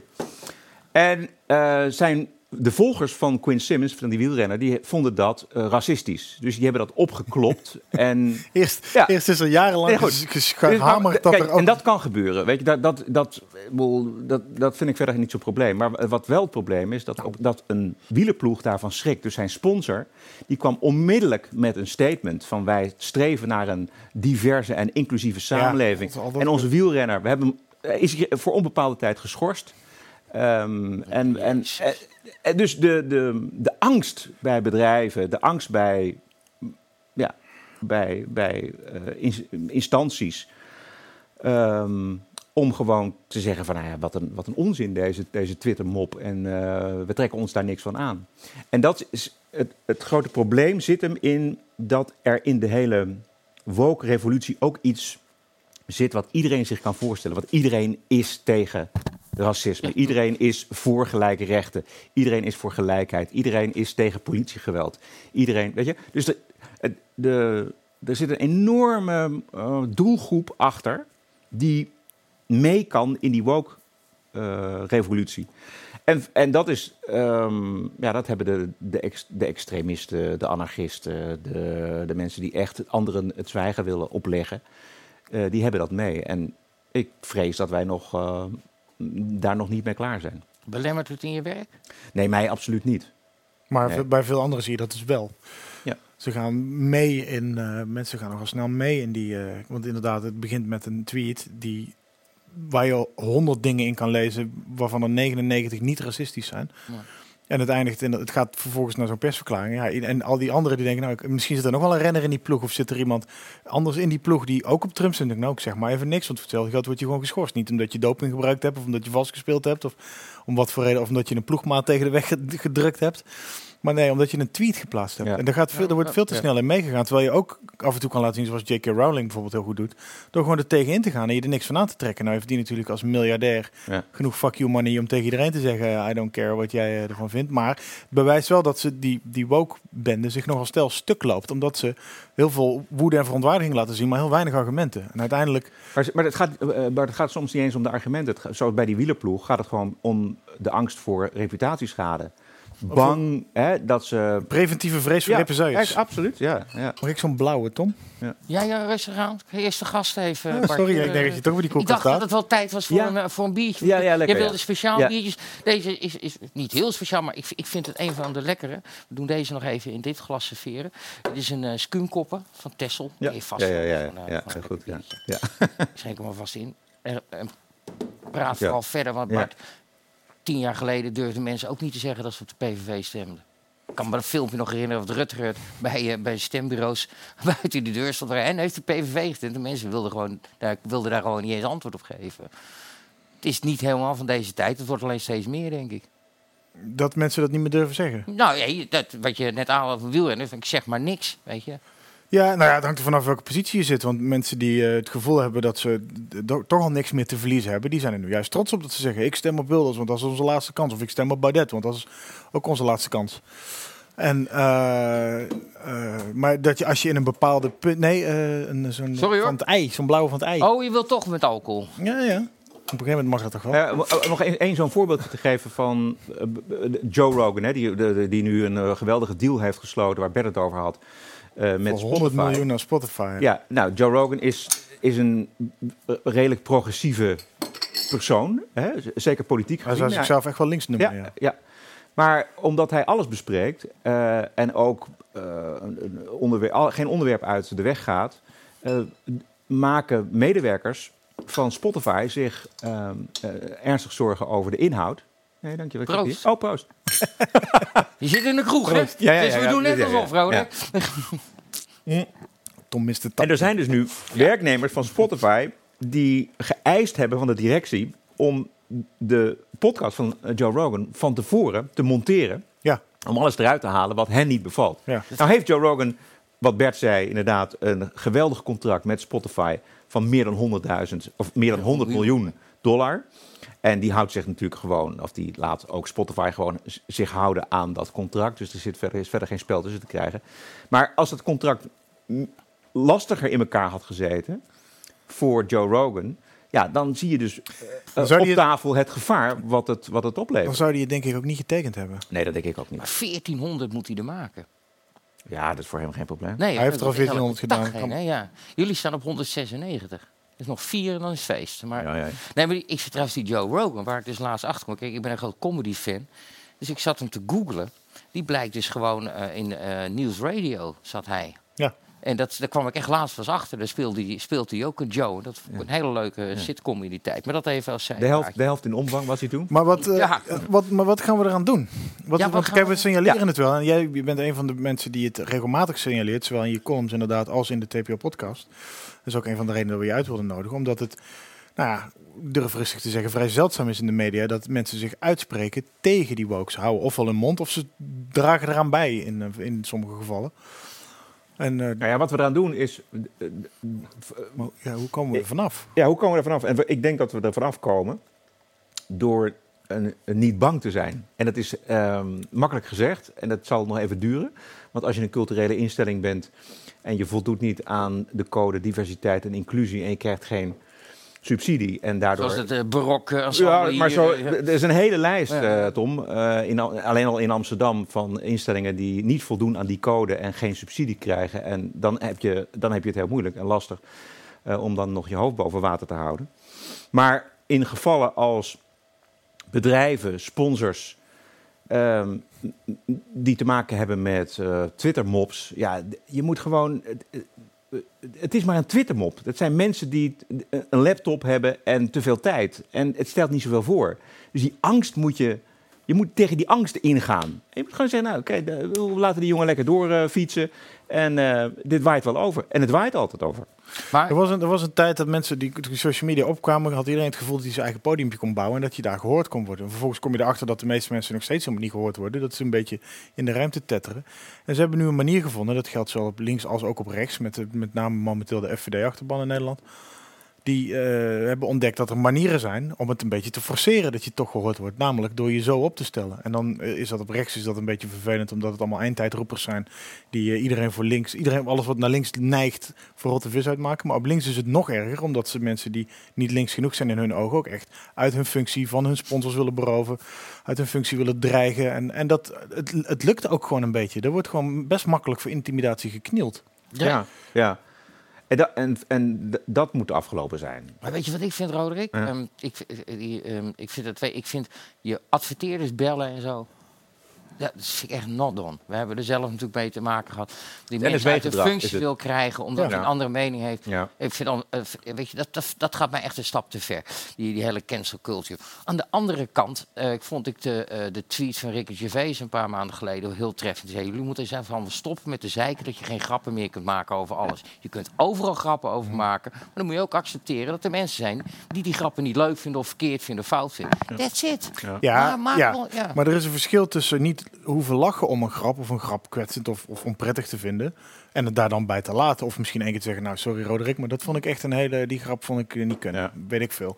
Of om de volgende stap te zetten. Zeggen, oké, die grap kan niet. Ik ga nu jouw baas Nee, worden. maar, Waar werk jij? Precies, en dat, nee, maar dat is het probleem, wat Bart zegt. Het is niet het probleem dat je weerwoord krijgt. Niemand is verplicht om mijn grappen, jouw grappen, Nee, zijn grappen dat is helemaal niet te het probleem. vinden. Het probleem is dat er onmiddellijk eh, consequenties aan verbonden worden door eh Twitter-mobs, door... Ja. dus kijk maar naar Spotify. Weet je, die, die werknemers die willen, die hebben niet geen, gewoon bezwaar tegen Joe Rogan. Nee, er moet gemonteerd worden. Er, daar moet gecen- gecensureerd worden. Dat, dat is het grote probleem. Ja. Het is niet het probleem. Ja, dat- het dat- moet volgens hun eisen gaan. Het is meestal Ja. maar een heel klein groepje met hele specifieke eisen die vaak helemaal nergens op slaan. Over hoe er gepraat wordt. Eh, een van de, volgens mij gaat dit specifieke Joe Rogan ding over het feit dat hij het had over hoe eh, sommige mannen vrouw willen worden en dan vervolgens mee gaan doen aan bijvoorbeeld vechtsport als vrouw, terwijl ze als man zijn geboren en dan dus iedereen van de mat afknokken. En dat Joe Rogan heeft zich daar al herhaaldelijk tegen uitgesproken. Zegt van, ja, dit kan toch niet? Dit is gewoon competitievervalsing. Het maakt me niet uit dat je man bent en een vrouw wil zijn. Je gaat je gang maar. Maar er zou dan een soort aparte klasse moeten worden voor omgebouwde mannen. En eh, ja, probeer er Ja, hij een, had- een, hij had van te maken. Maar Ja, hij had een eh, journaliste. De, de, de gevraagde uitzending was dat hij een journaliste eh, in de uitzending had. Oh, die Deborah So. Precies. En zij had gewoon op een hele journalistieke manier onderzocht eh, ja, hoe kinderen ehm, op jonge leeftijd al, 12, 13 jaar, worden overgehaald ehm, om een, geslachtsverandering aan te gaan. En, Wordt overgehaald? Nou, overgehaald. Weet je. Kijk, dat, heel veel jongeren in de puberteit die zijn onzeker. Ik, ik vat het nu even heel Ja. erg eh, kort samen. Maar eh, dan komen ze onder invloed van het internet en van social media. En dan wordt er gezegd, nou weet je, misschien eh, ben je wel, je bent een jongen, maar misschien voel je je wel meisje. En nou, daar had zij een, een, een boek over geschreven, met allemaal goed onderbouwd, et cetera. En daar vertelde zij over. En dat zorgde voor, ehm, ja, dat vond dan, vonden die groep medewerkers van Spotify, vonden dat ehm, Transfoob. transfoob. Dus daar mocht je niet over praten. Ja, ja, en ik, ik zit met dat vechtsportding, omdat hij daar al vaker en eerder heeft hij daar ook heel veel gedonder mee gehad. In Omdat die uitzending noemt hij, dat, noemt hij dat ook. Ja, precies. En dan gaat het ook weer daarover. En die Deborah So is seksuoloog of zo. Dat is Ja. een, eh, een Aziatisch-Amerikaanse of een Aziatisch-Canadese vrouw. En die, die schrijft dus ook op ja, dit is allemaal heel zorgwekkend. Want als je op 13-jarige leeftijd denkt dat je in het verkeerde lichaam zit... en je gaat vervolgens, krijgt volwassenen om je heen... van je ouders tot artsen die daarin meegaan... en jou helpen om een transitie door te maken... om vervolgens een paar jaar later erachter te komen... dat het gewoon een soort puberale, hormonale opleving was... of, of verstoring in je hormonale huishouden. En je wil weer terug, ja, dan kan het niet meer. Dan is de schade al aangericht. En ze pleiten dus eigenlijk alleen maar voor om daar zorgvuldiger mee om te gaan. Ze zegt niet dat het niet mag, ze zegt Nee. niet dat het niet kan... of niet zou moeten kunnen. alleen Geen al- religieuze conservatieve beperkingen waar ze mee schermt of zo. Alleen maar zeggen van als iemand van 13 zich zo voelt, wacht even vijf jaar of zes, zeven jaar en, en vraag het dan Vraag nog dan eens. nog eens een keer. En dan kun je altijd die keus nog maken. En, het, en, het, en het boek wat zij geschreven heeft, dat is een heel journalistiek boek. Ik heb het zelf niet gelezen, maar dat, bleek. Zij is zelf ook journaliste. En ehm, Nou. ja, dan mag het, eh, als je, als je, als je dat niet mag bespreken bij Academie- Joe Rogan. Dat is dus het Ja. dingetje. Hè? Het, het is nog niet eens zozeer de, eh, zo vaak de mening, maar überhaupt dat je iets bespreekbaar maakt. Ja. Hoe je dat dan benadert, of Ja. je dat journalistiek of wetenschappelijk doet. Dat is voor veel mensen al een trigger om, kapot, om helemaal los te gaan. Kijk maar de afgelopen paar weken eh, hoe de Piet Emmer-affaire in de Volkskrant zich Ja. ontvouwt. Piet Emmer, historicus, emeritus hoogleraar, die onder andere over het slavernijverleden, slavernijverleden schrijft. Ja, hij schrijft zowel over de, de, de positieve als de negatieve kant. Nou ja, hij, hij probeert ook dingen een beetje in context te zetten en zo. En hij, nergens zegt hij dat het een goed idee was. Nergens zegt hij dat we er naar terug moeten. Nergens praat hij het goed. Eh, maar toch eh, werd hij door Gerry Eikhoff in een interview in de Volkskrant... noemde Gerry Eikhoff hem een racist. Omdat, en die interpreteerde een aantal van zijn eh, opvattingen gewoon verkeerd. Niet, niet kwaadwillend. Ik denk niet dat het bij Gerry Eikhoff kwaadwillendheid was... maar die had het gewoon niet goed gelezen. Wat wel kwalijk is als je zelf journalist bent, maar goed. En eh, Emmer had toen eerst een smaadaangifte gedaan en heeft een ingezonden brief. Nee, toen had Eikhoff een soort van excuus geschreven. We probeerden het te verduidelijken, maar dat maakte niet alleen maar nog erger mee. Toen heeft Emmer een brief geschreven ja, sorry, maar nou moet ik er echt iets terugzeggen. En toen schreef Asje ten Broeke, columniste, weer eh, een column onder de kop... waarom ik Piet Emmer toch een racist zal blijven noemen. Ik denk, ja, je kan ook gewoon niet winnen van sommige mensen. Nee. Je moet en zal een racist zijn. Ja, hoe vaak ben jij al uitgemaakt voor racist? Nou, volgens mij ook vaker dan ik weet. Want ik lees die comments niet. Dat, dat, Ja, je hebt je haar ook niet mee natuurlijk. Dus, eh, Nou, ik weet niet of het, of het daaraan ligt, maar ik, ik, ik weet dat ik van mezelf dat ik geen racist nee, ben. natuurlijk. Nee, dat- maar dat ja. weten we allemaal wel Ja, van ja, elkaar. ja. Maar je, hebt zoiets, je, je kijkt er eigenlijk ook Nee, ik kijk er absoluut niet. Nee, nee, ik heb het, het- En op straat?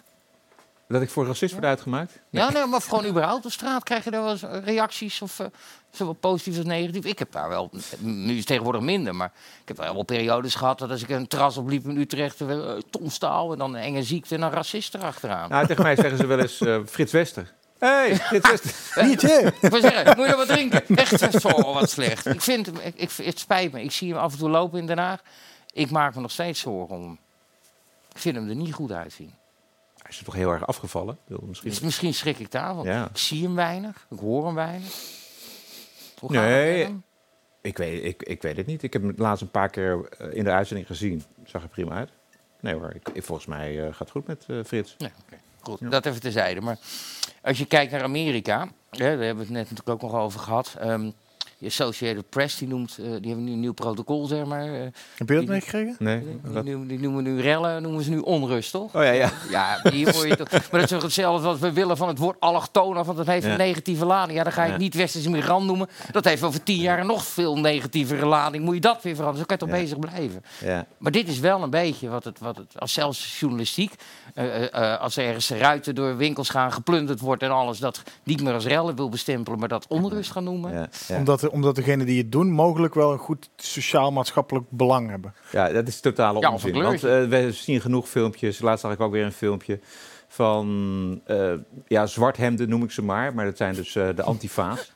Die eh, eh, met z'n allen eh, zich storten op een Starbucks café wat dicht is. En die ruiten moeten in. En door die ruiten moet, eh, eh, moeten explosieven, dus vuurwerk. En eh, nou, dan hebben, is dat voor elkaar en dan lopen ze een stukje verder. En de politie komt ergens helemaal achteraan. zo van jongens doorlopen. Er wordt ook Ja. verder niemand opgepakt.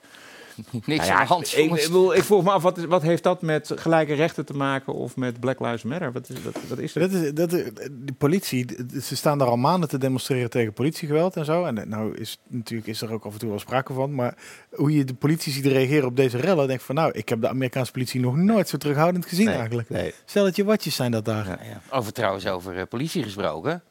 Die Dirk eh Chauvin is eruit, hè? Die is vrijgelaten Ja. op de borg, eh meldde jij me vandaag. De agent die George Floyd om het leven bracht, Ja? is op borgtocht vrij sinds Zo. vandaag. Voor een miljoen, hè? Een miljoen? Ja, ja, ik heb Ja, het nog niet bond, liggen. eh, bailbond. Dus dat betekent dat hij 10% van dat bedrag bij elkaar heeft moeten krijgen. Oké. En, de, en Nou, hij staat 100.000 garant euro. voor een miljoen als hij zijn, zijn vrijheidsstelling, zijn voorwaardelijke termen overschrijdt. Dan is hij dat miljoen kwijt. Dus hij zal zich wel gedragen, want dat heeft hij echt niet, dat miljoen. En wanneer begint die rechtszaak? Dat weet ik niet. Dat weet ik ook. Kan, het zal vast niet lang meer duren, denk Ik ik. vind dit wel weer een trigger, denk ik, voor, voor weer meer rellen. En dergelijke. Ja, ik denk het ook. Ja, Aangezien ze ieder excuus aangrijpen, zal het Ja, vrij precies. rondlopen Nee, van deze ja. man ook alweer. Ja. eh. ja. Maar dat dan ook weer op slag van de verkiezingen. Ja, dat is ook een... Dat gaat allemaal veranderen als Joe Biden de president wordt. Hè? Gaat die het worden, denk je? Want ik wil, ik, ik, daar wil ik zo naartoe. Want ik wil, ik wil namelijk even nog... één vraag nog even, want ik wil heel even terug naar die VARA-tijd. Ja. Dat was een hele andere linkse tijd. Dat was rebels, dat was schoppen tegen Nee, religie, tegen de heilige huisjes. ja. Of niet? Was het toen ook al zo'n deugd? Nou, ik weet nog, ik had eens een keer, ik werkte voor, ik heb ook voor de Radio, Radio 5 gewerkt, dat was een achtergrondprogramma. En toen dacht ik, goh, het is, ehm, misschien is het leuk om de nieuwe VVD-leider Bolkestein uit te nodigen. Bolkestein had toen net in Genève volgens mij, of in Zurich had hij die reden gehouden Ja. waarin hij zei, het is toch echt wel een probleem dat we mensen uit het Midden-Oosten hierheen halen, want die ja, integratie, dat, is, dat gaat vast niet goed. Dat was de eerste keer dat iemand dat überhaupt zei. Hij was dat. Dat, nou, dat is een mooie aanleiding. Dus ik stelde dat voor. En eh, nou, nee, nou, nou, lijkt me een probleem. En toen heb ik het nog een keer voorgesteld. En toen was in toentertijd bij de VARA eh Bolkestein echt done. Vond je dat kunnen? Want ik heb daar een idee achter. Wat kunnen. Dat, dat- ze hem dat, dat ze dat niet wilden. Nee, zij, wilde, zij wilde hem geen podium geven, Nee. zoals dat heet. Nou, je kent het geweld. Ik heb het volgens mij wel eens eerder hier aangehaald. Het geweldige programma van ehm, eh, het Zwarte Schaap. Ja. Inge Diepman. Ja. Je kan ik nog herinneren. Ja, ja, dus, dus die had eh, van, van Mariezehond Ja. tot, tot de weduwe Ros van Tonningen. Ja. Die dingen, en er zaten de lamme schapen, de makke schapen. Ja. En die, dat waren mensen Ja. waar ze beef hadden gehad. Ja, leuk programma. Daar zat eh, Jan Maat. Ja. En eh, die gaf in dat gesprek, of eh, in dat eh, Witteman, waar jij voor gewerkt had, die zat dus als aanvaller, zeg maar, erin. En hij, een van zijn dingen was, wat je nu natuurlijk Geert Wilders en Thierry Baudet ook hoort zeggen, die linkse NPO geeft ons geen aandacht. De VARA geeft ons geen aandacht. Witteman zijn verweer was, luisteren, wij zijn en zeker toen, een hele linkse, van kleur, denk nog een beetje in de verzuiling, omroep. Ja. Dus nee, we gaan jou geen podium bieden. Ja. Maar daar zijn we wel heel eerlijk in. Ja. Hoe, eh, vond je dat, vind je dat terecht? Om dan op zo met iemand te weigeren? Ja, we, hebben, we, we zijn nou eenmaal linksom op, dat weet je. Dan gaan we lekker naar de tros. Ja. En dan Wim Bosboom. Ja, dit, wie, dit, eh. dit, dit klinkt wel heel erg lang geleden, moet ik Ja, zeggen. Dat echt, is echt verzeild. Ja, ik, vanuit journalistiek oogpunt zou ik niemand eh, Nee? willen weigeren. Nee, absoluut niet. Dus ik zou het eh, journalistiek onverstandig vinden als de VARA, BNN-VARA dat nu als argument zou, nog steeds zou gebruiken. Maar toen, ja, daar kan ik me wel iets voor bij voorstellen. Toch hebben ze hem dus uitgenodigd, want hij zat in dat programma. Ja, maar dat was een ander programma. Hè? Oh, dat ging even om achter het nieuws, geloof ik, Ja. wat de Witte Ja. Te maken. Nou ja, kijk, en toen en eh, Jan Maat is ook door de VPRO, door eh, Max van Wezel geïnterviewd. En dat is ook een tenenkrommend interview eh, geworden. Heeft Max van Wezel later ook toegegeven. Omdat ze er echt op uit waren om hem gewoon helemaal af te maken. Dus ik bedoel, die, die, die Jan Maat kreeg nul eerlijke kans. Geen seconde eerlijke kans om, om iets uit te leggen van wat hij vond. Het was eigenlijk alleen maar een opzetje om ja, te zeggen... kijk eens jongens, hoe wij Jan Maat aanpakken. Het is ook niet journalistiek natuurlijk. Dus ja, kijk... Maar, Is dat altijd meer een linksding geweest dan een rechtsding? Ehm, even kijken, wat hebben we aan rechts? Tros hadden we toen, hè? Wim Bosboom toch? Met, eh, Ah, het is, het- ik nog even nee, kwijt. weet je, het ligt ook weer genuanceerd. Sorry dat ik het zeg, maar... Eh, want je had natuurlijk in de rode haan van de Vara en Spijkers met Kop. En daar kwamen ook, daar kwam Wiegel, daar kwam uiteindelijk ook Bolkestein. Daar kwamen ook andere eh, mensen eh, aan van de rechterkant. Dus de Vara is daar wel, ja, was daar niet rigide in, moet ik zeggen. In dat programma waar ik voor werkte en met die reden van Bolkestein over de integratie en dan Bolkestein uitnodigen, dat was wel een stap te Dat was even iets te veel. Ja. Maar jij zegt, ik zou de journalistiek nu niet kunnen verantwoorden. Toch heb je ook wel een beetje een kleurtje wat meer de rechterkant op neigt. Of, ik? of- ja, vind je van niet? In je columns? Nou, weet je, je bent al zo snel rechts omdat eh, eh, links heel erg links geworden is. Of heel erg Is rechts heel intolerant. rechts geworden? dan? Nee. Kijk, ik, ik ben niet een, geen fan van eh, Wilders of van eh, Baudet. Of ik, ik dweep niet met die mensen. Eh, ik vind ze trouwens al beide niet extreem rechts of zo. Maar ik, ik, ik, ik, ik, ik beschouw mezelf wel als een, als een liberaal richting de VVD. Maar op onderdelen eh, zou ik het graag wel wat strenger willen hebben. Bijvoorbeeld op, op eh, asiel. Weet je wel. Ik vind dat wij daar een staatssecretaris hebben die, die haar werk die niet goed doet. knol, en, het, en, de, en de problemen stapelen zich op. En het COA is overwerkt. En eh, de, de IND is overwerkt. En het ministerie van Justitie is overwerkt. Omdat het Ja, en dat is natuurlijk Niet alleen... Zij doet dat nu uiterst beroerd, dus zit er ook als een soort tussenpauze. Ja. Maar het is natuurlijk in de jaren en decennia daarvoor ook chronisch fout gegaan natuurlijk. Ja. Het ligt, is niet, ligt niet allemaal ineens nu bij haar. Nee. Nee, maar er moet wel iets gebeuren. En dat, en dat zie ik haar niet doen eigenlijk. Maar geloof je dan zo'n Bente Becker Ja. die voor de VVD al die Ja. filmpjes maakt, geloof je die dan wel? Ja, ik vind haar wel overtuigend. Denk je dat Maar- zij niet een beetje een bliksemafleider is voor dat gefaalhaas dat, van dat Ankie vind ik Broekers precies. Nee, nee, nee. Ik, ik, als ik haar hoor, denk ik echt wel, zij, zij, zij meent het en het zit haar ook tot hier. Ik bedoel, eh, eh, alleen zij, ja, zij kan moeilijk haar eigen staatssecretaris voortdurend afvallen. En ze, ik denk dat ze... Ja, binnen de coalitie is zij, vind ik, het, het meest helder, het meest duidelijk over wat er zou moeten gebeuren. En ik, ik zit wel op haar lijn, ja. Ja, dat kan me wel voorstellen. Dat is, ik denk ook dat ze, zeker als het over vrouwenrechten en over vrouwenmishandeling en dat soort Ja. dingen gaat, dan is ze altijd wel fel. Ja, dat, Ja. dat, dat raakt haar wel echt. Ja. Of dat drijft haar wel echt, laat ik het zo zeggen. Dat, Ja. Maar goed, de, kan, de vraag is wat ze daar ooit mee kan doen. Want we zitten al tien jaar met een VVD eh, aan, de, aan de leiding. En het is al tien jaar een zootje. En, eh, Ja, ja dat ligt niet alleen aan de VVD, maar het ligt er vooral aan de, aan de, zie, aan de eh, brede coalitie. Die, Ik krijg nu ineens weer van die beelden door mijn hoofd flitsen... van hoe Klaas Dijkhoff met die dikke BMW uit het dorpje Oranje wegspoot. Ja, dat die vrouw ervoor. Dat die vrouw voor. Ik heb, ik, heb, ik, heb een, ik, heb, ik heb daar een mooi verhaal eh, van gehoord van Paul Scheffer, die ik een keer eh, heb Mhm. geïnterviewd voor RTL. En Paul Scheffer die, die vertelde dat hij contact had, eh, gesprek ook had met Mark Harbers, de vorige staatssecretaris, nu VVD-Kamerlid. En toen ging het over een hardere aanpak van het, eh, het asielvraagstuk. Eh, mensen sneller terugsturen, ehm, quota, dat soort zaken. En Mark Harbers was daar volledig mee eens. Op, op voorstel van Scheffer. Scheffer vindt dat ook.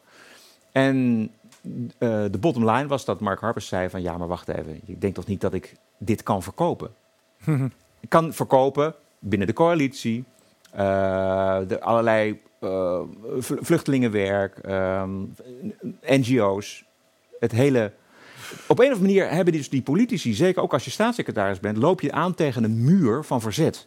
Ja, van, van linkse lobby, NGO's, postcode loterij gesponsorde Ja. hulpclubs, eh Ja. Rico Voorbergs die allemaal eh, Ja. alles uit de kast trekken om je in hun gareel te houden. Maar ik vond het heel, best wel schokkend dat een staatssecretaris die er is om zaken op te lossen, dus een probleem heeft en, en weet van ja, maar dat, dat Ja. gaat mij niet lukken. Maar tegelijkertijd is het ook Want maatschappelijk verzet. staatssecretaris die uit zijn functie ontheven werd nadat in de politierapporten over misstanden en misdrijven op eh asielzoekerscentra dat moord en doodslag onder het kopje overig was weg, Ja. weggegumd. Ik, ik, ik reken hem dat niet aan. Ik denk dat dat, ehm, ik denk dat, dat voor hem, dat hij daar o- van overvallen is. Ik denk dat dat inderdaad wel iets is wat binnen het ministerie, ja, de sfeer binnen het ministerie meer weergeeft dan eh, de kwade opzet van Mark Harbers. Denk ik, heb ik geen bewijs voor. Ja, dat is het eh, VNJ-verhaal. Dat het begint al bij dat het ministerie zo verrot is. Dat daar de, Ja. de bewindsvoerder die daar zit, loopt al aan de touwtjes van de ambtenaren van het ministerie. Ja. To say nothing of eh, al die clubs waar je mee te maken Ja. zodra je één stap buiten de deur zet. Ja.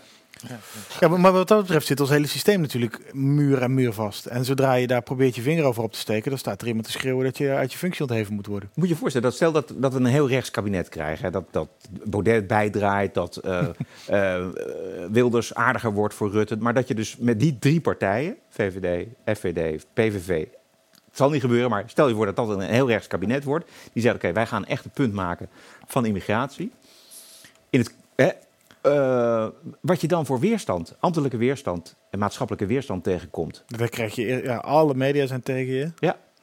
Alle, al die NGO's, die eerder genoemde NGO's, Ja. die komen allemaal een verhaal halen. Alle Tineke Celis van Nederland, die gaan uit een, eh, uit een panty. En, eh, Ook, ja, al, nee, er is, er is, ook al wil een meerderheid van de Nederlandse bevolking zou dat willen, dan gaat het niet gebeuren. denk dat, ik, denk, nog- ik, ik geloof dat de meerderheid van Nederland de slagbomen bij de grenzen best zou willen laten zakken als je het zou vragen. En als je het ook zou doen als het, eh, als het antwoord zo luidde. Ja, Maar, kom ik eh, toch weer bij die referenda uit.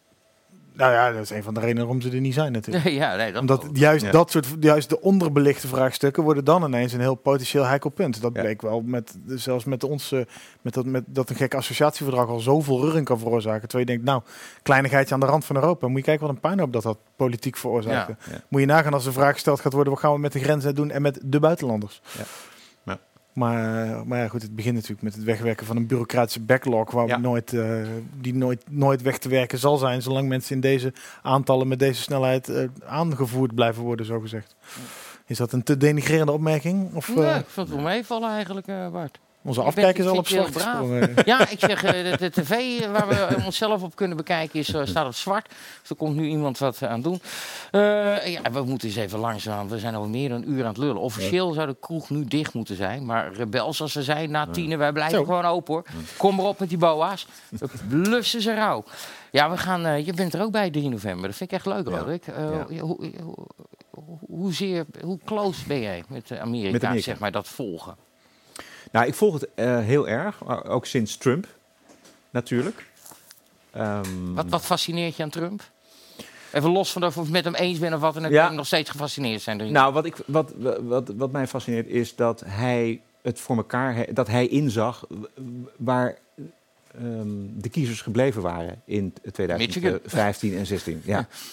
En dat hij wist, eh, dit gaat niet goed. En dat hij het heeft durven opnemen tegen de uh, democraten kliek en de, en de elite. En het Republikeins establishment. En de Republikeinen establishment, heel goed. Ja, zeker. Dat is, eh, dat is, dat is ook een... Dus hij toont enorme durf. En ja, dat fascineert me aan die man. Ja. Maar vind je het niet een ontzettende grote clown om, zo, om, om zo'n groot wereldmacht te leiden? Want ik geniet van hem hoor. Maar meer als journalist en, en iemand die van comedy houdt.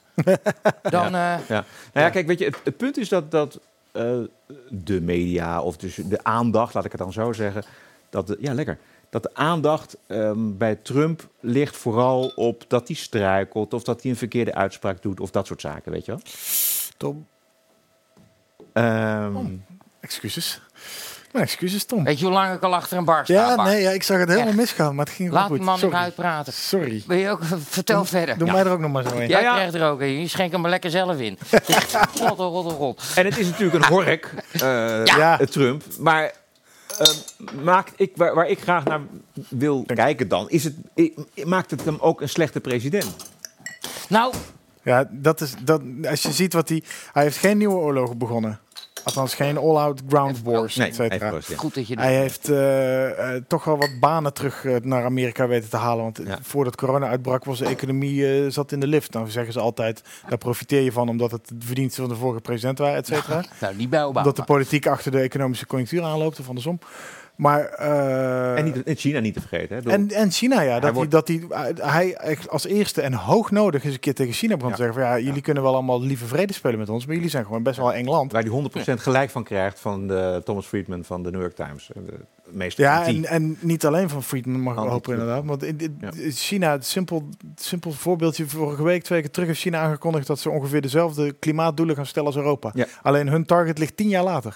Waarmee ze dus nog steeds, waarmee ze eigenlijk suggereren van wij doen mee. Dus Europa is helemaal, eeuw, oh mooi China, zie je wel, zelfs China doet mee. Zie je, kijk nou, Trump, zelfs China doet mee. Ja. Maar China denkt, ja, wij zetten het tien jaar later. Doen jullie, kijken jullie eerst maar of het lukt. Ja. En dan praten we daarna wel verder. Ja. Dus die doen dat vanuit een soort, zo lees ik het althans, een beetje cynische uh, ding van, nou, dat gaat je toch niet lukken. En als het je, jullie lukt tegen die tijd, nou, dan kopiëren we al jullie techniek, doen we het dan zelf ook wel. Ja. Rammen we het in tien jaar wel even door. Maar Kijk, wat, je, wat je ook van hem vindt, ik denk dat het na acht jaar Obama en hoe de democraten in, dat, in, dat, in die elite, in, in dat bestuur, in dat systeem, Amerikaans systeem zaten, dat het sowieso eh, heel erg verfrissend is geweest dat we vier jaar Trump hebben gehad. Nou, verfrissend was, eh, was het zeker, ja. Ja. Of hij het nog vier jaar wordt, eh, dat, Ja. dat weet ik niet. Nee. Ik, ik hoorde laatst een goede analyse. Toen dacht ik, eh, dat kan wel eens lastig worden voor Trump. Trump heeft in 2016 de mensen gemobiliseerd, de kiezers gemobiliseerd... die al lang niet meer stemden. Hè, dat waren echt de, de, nou ja, de mensen in de flyover states in Midden-Amerika. Ja, bijvoorbeeld Michigan, waar alle... En die zijn gemobiliseerd door Trump eh, en door de rechtse talkradio eh, om te gaan stemmen. En die hebben dat gedaan omdat ze heel veel hoop hadden, natuurlijk, dat Trump zou, de boel zou veranderen. Nou, met corona eroverheen, et cetera, kun je je afvragen hoeveel heeft Trump voor elkaar gekregen en is het voldoende voor die mensen om weer te gaan stemmen? Het verschil is heel klein in 2016. Ehm, ja, de- Hillary had de popular vote. Die Precies, had in exact. aantallen had ze meer Ja, stemmen. Ja, dus eh, het zou zomaar kunnen dat eh, het, het bij vier jaar Trump blijft. Zonderlijk, dat een president niet herkozen wordt. Maar ja, meer. Gebeurt eigenlijk nooit, ja. Nee. Bijna nooit. Maar goed, we zijn er nog niet natuurlijk. Want ik, ik zou best de case ook kunnen maken dat het hem wel gaat lukken. Omdat eh, Biden nou niet de meest vitale tegenstander is. Het verhaal van de Democraten zich ook alleen maar focust op Trump. Je hoort bijna niet over Nee. wat gaan ze nou eigenlijk met het land Nee. doen. Het is alleen maar Nee. die man moet weg. Ja. Dan kan dat best werken, omdat er heel veel Amerikanen vinden dat die man weg moet. Maar staat Maar- wel één op de pols, hè? Maar Ze zitten wel een beetje. Ja, oké, maar Hillary die stond op 98 tegen 3 eh, of 97 tegen 3 procent in 2016 en het werd ook gewoon Oké. liep ook anders af. Dus die polls dat. eh, De pijlers die Nou, hebben niet geleerd. ja, die- die- die- Nou goed. ik denk dat ook daar, ook daar kijk, op, als je in Amerika in een zuidelijke staat aan, een, aan de eerste beste boer vraagt wat stem je, dan zegt hij natuurlijk stemt ik stem ik op Trump en daar is hij trots op ook. Maar in de grotere steden, in de, in de meer liberale gebieden, de Ja. liberal left eh, gebieden, daar is het ook niet helemaal dan om een kroeg binnen te lopen en zeggen ik ben voor Trump. Nee, Want niet. kijk maar wat er met een wielrenner kan Ja. gebeuren als hij al een, Ja, Maar, Ja. als ik, eh, nee, daar heb je, daar heb je gelijk in. dus in het stem, je weet het pas in het stemhokje. Ja, dat klopt. Ja. maar Roderick, als ik nou kijk, hè, naar, naar vier jaar geleden, deze tijd stond het ongeveer ook zo. Hillary die voorlag en Trump die moest inhalen. Die ging op, eh, eh, volgens mij was het Michigan waar die op in ging zetten, want die was Trump vergeten. Ja. Die dacht, die heb ik al binnen. Ja. Dat soort trucjes werken nu niet meer. Nou, ze zijn, ik neem aan dat ze wakker Ah, die- worden bij de Democraten. Wat ik wel denk, is dat ze Nou, die, dat die ik Sims-. Ja, ja, ik Hè? ook, ja. Wat? Ze zijn woke geworden, dat is iets Ja, anders dan woke, wakker. Ja, ze zijn nog niet wakker. Nee, nee, denk je dat ze, dat, dat ze, dat ze, dat, dat ze zich er nog een keer dan... Die zitten Ja. zo met Ja, hun ja. kop in hun eigen Ja, aars. die Ja, zijn, dat is echt waar, Ja. hè? ja, ja, die zijn vier jaar alleen maar bezig geweest met het Mueller Report, met eh, het Trump-pootje haken, met verder niks. Die hebben geen, geen, geen eh, eh, zelfonderzoek gedaan. Die, hebben, die, weten, nee. die weten helemaal niet wat ze verkeerd hebben gedaan vier jaar geleden. Serieus, ben- ben ik Ja. zo naïef? Ja, die. Gaan, die gaan die fout weer maken. Ja, maar dan, dan, dan gaan ze toch verliezen, denk ik. Want Ja, dan hangt die het ervan af mensen in of Trump die mensen kan, Mo- wat ik zeg, ja. kan mobiliseren die hij in 2016 ook mobiliseerde. Ja, hij, zal, hij zal zijn base weer naar de stembus moeten sturen. En hij, kan, is wat die, wat, hij, hij is natuurlijk befaamd om zijn enorme rallies in grote Hm. stadions Ja, van die zijn 20.000 er nu man. niet. Nee, en dat kan dus nu niet. En eh, tot overmaat van ramp krijgt hij ook nog corona. Kun je ook nog positief uitleggen. Ja, zeggen, ja. hij verslaat het in een paar dagen en staat daar gewoon van Ja. hijgend als een oud werkpaard. Maar, eh, Maar, maar, maar Bart en Roderick, allebei, vraag voor jullie allebei. Want eh, eh, die mensen die hij in 2016 een baan heeft beloofd. En ook die baan kregen in de auto-industrie. Ja. Onder andere dankzij die handelsverdragen. Staalindustrie, met- kolenmijnen. staal- met, Ja. met China. Al die mensen die hebben die baan nog steeds. Ga ik even vanuit. Hoop ik. Zijn ze, ja, de meeste wel, denk ik. Die, zijn die zo dankbaar en loyaal, denk je? Of ja, die, die echt apart weer gemobiliseerd? Nee, maar dat, die zijn wel eh, dankbaar en loyaal. Maar vergeet niet dat er een paar miljoen werklozen zijn bijgekomen sinds corona. En die mensen zitten thuis. Die hebben, geen, die, hebben, die, hebben geen, die horen alleen maar Trump zeggen: Ik heb het zo goed gedaan. Ja, de cijfers zeggen duidelijk van niet.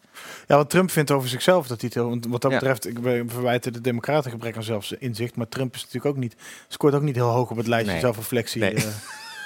wat, wat dat betreft is het natuurlijk een onmogelijke en een horkerige eikel... die gewoon alleen maar aan zichzelf denkt. En ook zelfs met corona. Kijk, ik vond het wel prettig om een keer iemand te horen zeggen... You dominate, don't let it dominate your life. Ik denk, ja, mee eens. Alleen, hij doet dat omdat hij denkt van... nou, ik heb na twee dagen kuchen en eh, eh, honderd eh, van de beste van dokters van Amerika... die hem per se overeind moeten houden. Ja, denkt hij van, nou, als ik het kan, dan is het dus allemaal niet zo erg, Ja. dat corona. En hij overziet daarmee wel, of hij negeert daarmee wel even... dat er al 200.000 Amerikanen dood zijn. Wel prachtig beeld dat hij dan daar zo stond. En ik ga zo naar buiten. Er staan een paar Patriots. En die wil ik bedanken. Die staan er met die vlaggetjes naast het buiten. En er staat er nou echt een handjevol mensen langs een paar dranghekken. En hij in die auto er langs. Nou, dat werd wel vond het wat triest. Nou, en, en, hoe, en hoe bericht dan de, Ne- de Nederlandse media daarover? Onverstandig. Ja, Ja, ja, hij brengt ja. zijn chauffeur in gevaar en allemaal dat soort... eh, Ja, die gaat er ook zelf zitten. Ja, hij weigert een mondkapje, Bart. Jij ook?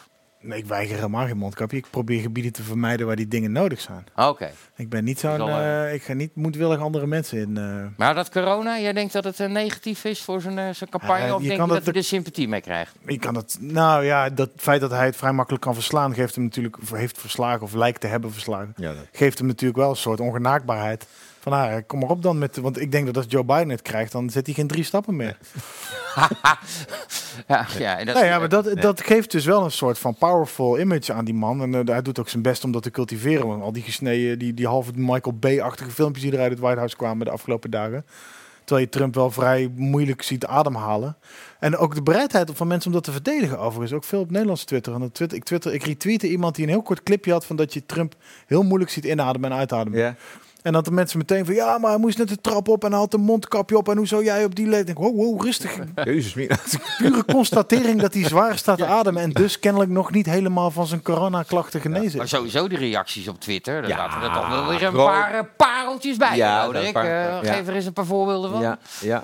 Nee, er, er waren toch ook veel eh, eh, ook journalisten die dan zeiden van nou, eh, God bestaat. En, eh, Ja, heel Mees. ja, leven. Ja. Wat overigens Het niet wil ging, zeggen. het ging zelfs Claudia de Breij te ver. Die we begon al Ja, van nou, maar gaan we toch niet maar- met oh, elkaar nou wil ik het dan Oh, toch eventjes stop voor. Wat Mees opnemen. Want eh, kijk, daarmee zegt eh, zij niet dat zij hoopt dat Trump eh, overlijdt. Kijk, ik, zij constateert natuurlijk net als wij allemaal dat Trump nou niet eh, een geweldige actie heeft ondernomen om dat eh, coronavirus te bestrijden in de Verenigde Staten. Daar valt wel wat over af te dingen. Maar en, en als je het dan krijgt, dan kun je denken van nou inderdaad, God bestaat. Het is goed dat hij het krijgt. Niet om eraan over te overlijden, maar Ja, misschien ja, maar je weet dat ze dat niet bedoelt natuurlijk. Althans, ik vermoed bij haar van niet, want dat wijf is zo dichtgetikt als een... eh, ja, Maar- die is wel zo geschift als een pak yoghurt, inderdaad. Eh, dat is echt verschrikkelijk. Nou, maar dat, dat, dat- wordt ja, genuanceerd over gedacht. ja, er wordt genuanceerd over gedaan. Ja. Ik ken mensen, Ze economen stuurde die... eh, dode vogels op. Nou goed, laten we daar ja, niet... dan we hem niet nog een keer omhoog, eh, omhoog halen. Ehm, weet je, eh, eh, wie ook vrij bekend is in, in Amerika. Misschien had je er vroeger boven je bed hangen en, eh, en masturbeerde je erop. Jane Fonda. Nee, Jane Fonda is, kwam niet eh, in, Die kwam in niet, mijn eh, rijtje voorbij. Bij mij was het Christine Applegate, maar wij verschillen tien jaar, denk ik. Dus ik heb, ik heb een klein clipje van Jane Fonda. Heb je dat meegekregen, wat Jane Fonda gezegd heeft? Nee, dat ga ik nu laten zien. Nou, dan gaan we... Ja, precies. Nee, maar, ik vind het leuk dat je het nog niet gezien hebt. Daarom, dus even opletten, er even Ja. niet doorheen. Tetteren allemaal, lieve mensen. In stadje 3, Jane Fonda over president Trump en COVID. we can stop fascism. We are at a point where we can, this is a crossroads. It's an existential crossroads. And and we are people who can help determine which way humanity goes. What a great gift. What a tremendous opportunity. We're just so lucky. We have to use it with every ounce of intelligence and courage uh, and wherewithal we have. because you're absolutely right. This is it. This is it. And, um, you know, I just think um, COVID is God's gift to the left. Yeah, this is this is is a terrible thing to say. I mean, I think it was a very difficult thing to send down to us, but it has ripped the band aid off who he is and what he stands for and what is being done to average people and working people in this country. We can see it now. People who couldn't see it before, you know, they see it now, and we have a chance to harness that anger and make a difference. So I just I feel so blessed to be alive right now.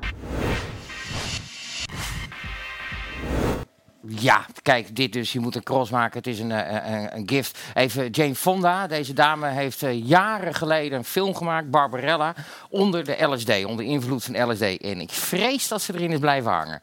Wat denk jij als je dit Nou, ziet? ik vind dit wel een heel mooi voorbeeld van hoe de, de linkse elite, eh, de Hollywood-elite in Amerika, hoe inconsequent ze zijn en hoe hypocriet.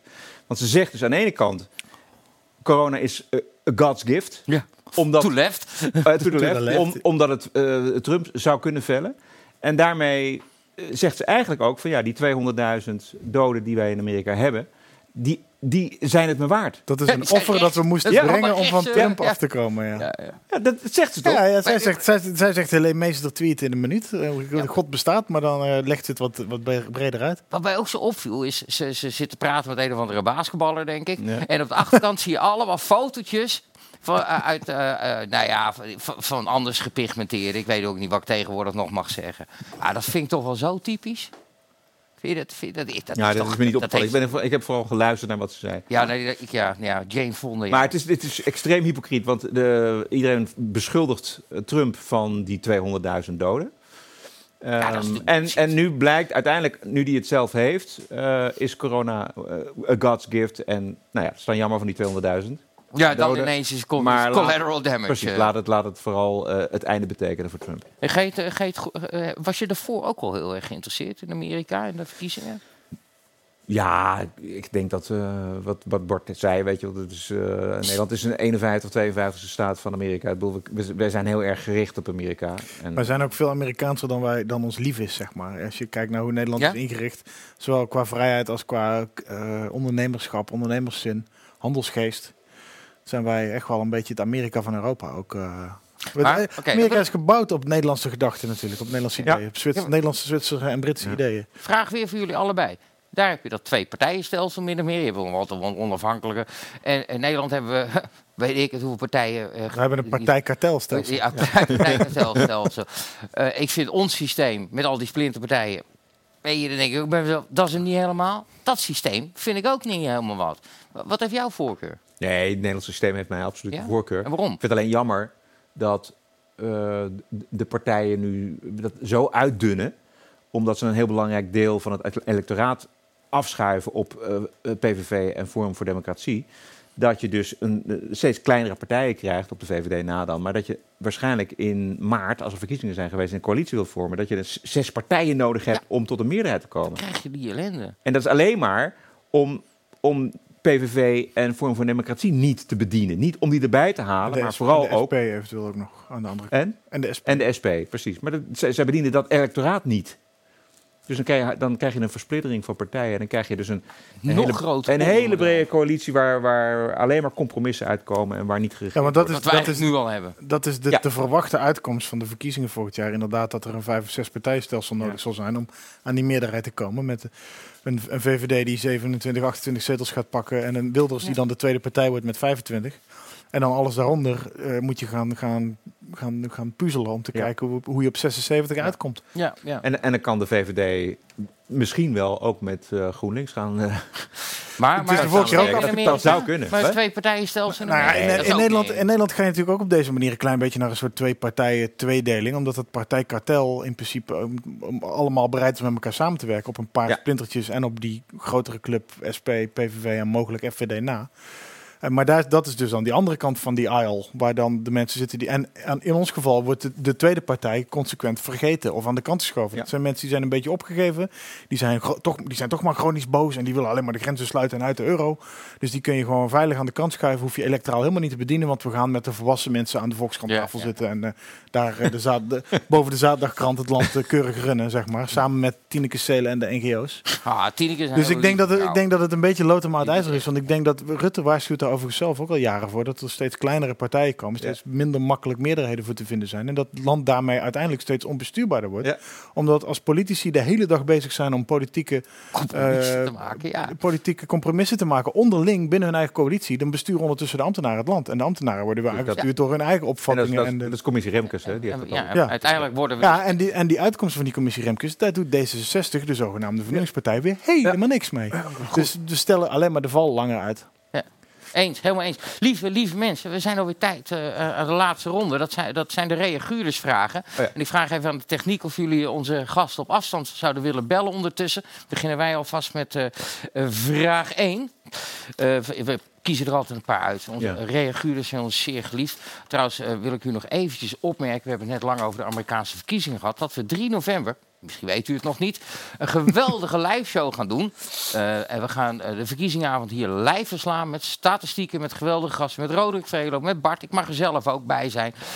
Dat gaat door totdat we een winnaar hebben. Dus de grap wordt elke keer ook gemaakt. Dat kan zomaar januari zijn.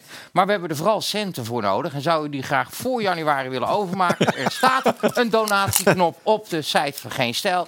Kies helemaal die rechts onderin. Dat, waar staat ander bedrag. En dat doet u iets met drie, vier nullen. Maakt niet uit. Komt helemaal goed. Af, u wordt alvast hartelijk dank. We vinden u heel erg lief. En u krijgt een sticker opgestuurd of zo. Eh, de reaguurders vragen. Ja, nou, daar gaan we. Bent u er klaar voor? Wil er nog voor de zekerheid wat te drinken bij? Want ze kunnen hard aankomen, hoor. Nou, goed. Het is ook meer een excuus voor dingen die... Ja, die vraag je niet als gast. eentje. als, want dan is het gelijk kapot. Je- en, je, en je moet nog anderhalf uur, maar daarom hebben we de reaguurders. Neem jij er nog eentje Ja, bij? dankjewel. Heb jij, jij moet rijden, hè? Ik moet rijden, ja, dus ik hoef niet. Heel goed, heel Ik goed. ben eh, twee... eh, twee Ik vind eh, dat je het goed doet vanavond, Bart. Echt, het mag ook wel eens gezegd worden.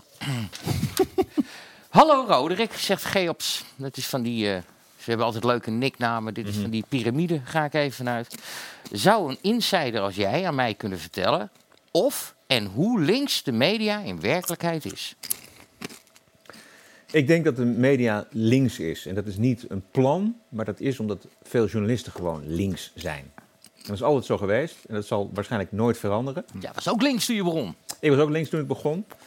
Maar eh, dat is dus.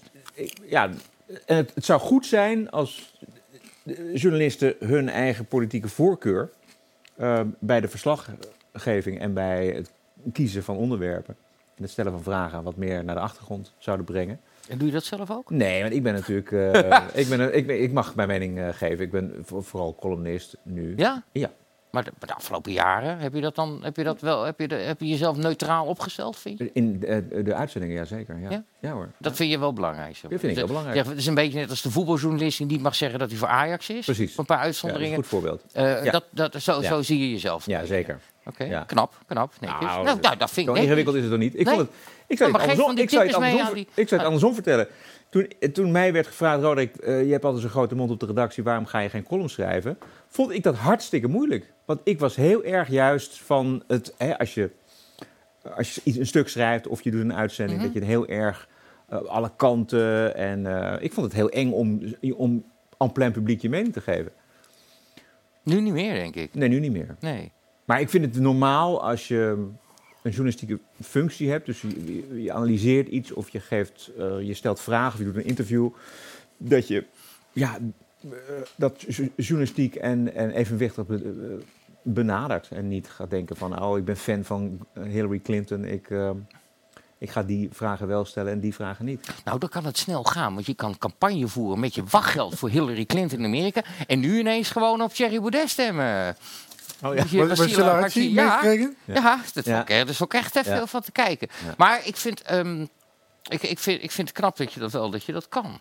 Ik, ik- als ik, Ik, sorry, ah, maar dat is, ben ik niet met je. Nee? Het, is, het, is, het zou de normaalste zaak van de wereld moeten zijn dat journalist. Vroeger, dat was to- de oude journalistieke opleiding, is gewoon Dat je, Nou, dat je, ja, dat je, dat je ik heb ook op die oude evenwichtig- journalistieke opleiding gezeten. Ja. En daar, eh, daar werd de Telegraaf gewoon, als je daar Ja, een artikel uithaalde om te schrijven, werd Ja. gewoon geweigerd. Ja, dat is waar. Weet je, ik zat bij Willem de Haan in de klas. Ja. Weet je, nou linkse kreeg je ze niet. nee. Geweldige Nee. documentaire maken. vroeger, vroeger was eh, de Verenigde Staten waren, waren heel streng in het scheiden van feiten en opinies. Ja. Maar ja, ik, ik, Ik vind, ik, het ik vind het niet erg als een journalist een kleurtje heeft. Ik vind het knap als je dat neutraal in kan gaan staan. Maar het is ook wat, je, wat wil je bereiken met je stuk. Als jij Sunny Bergman heet en je gaat een documentaire maken... met de insteek om aan te tonen dat Zwarte Piet racistisch is... dan ga je werken tot, om tot die uitkomst te komen. Ja. En dat vind ik niet interessant. Kijk naar zo'n documentairemaker als Marijn Poels... die expres twee verschillende kanten aan het woord lijkt, laat... en daardoor de kijker in verwarring achterlaat en zijn mening laat vormen... Ja. gaat laten nadenken. Ja. Daar hou ik weer heel erg van. Maar het is natuurlijk maar net wat je wil. Ja, misschien moeten eh, journalisten ook gewoon open kaart spelen en zeggen van, nou, ik vind Trump een eikel eh, en ik ga nu eh, met die Nou ja, insteek. Het is heel stoer om dat te zeggen. Maar Ja, Trump, iedereen vindt dat Trump heeft wat dat betreft natuurlijk wel een beetje het deksel van het conserveblik afgetrokken. eh, bij mensen die eh, tot die tijd altijd nog een beetje konden volhouden dat ze wel neutraal of objectief waren.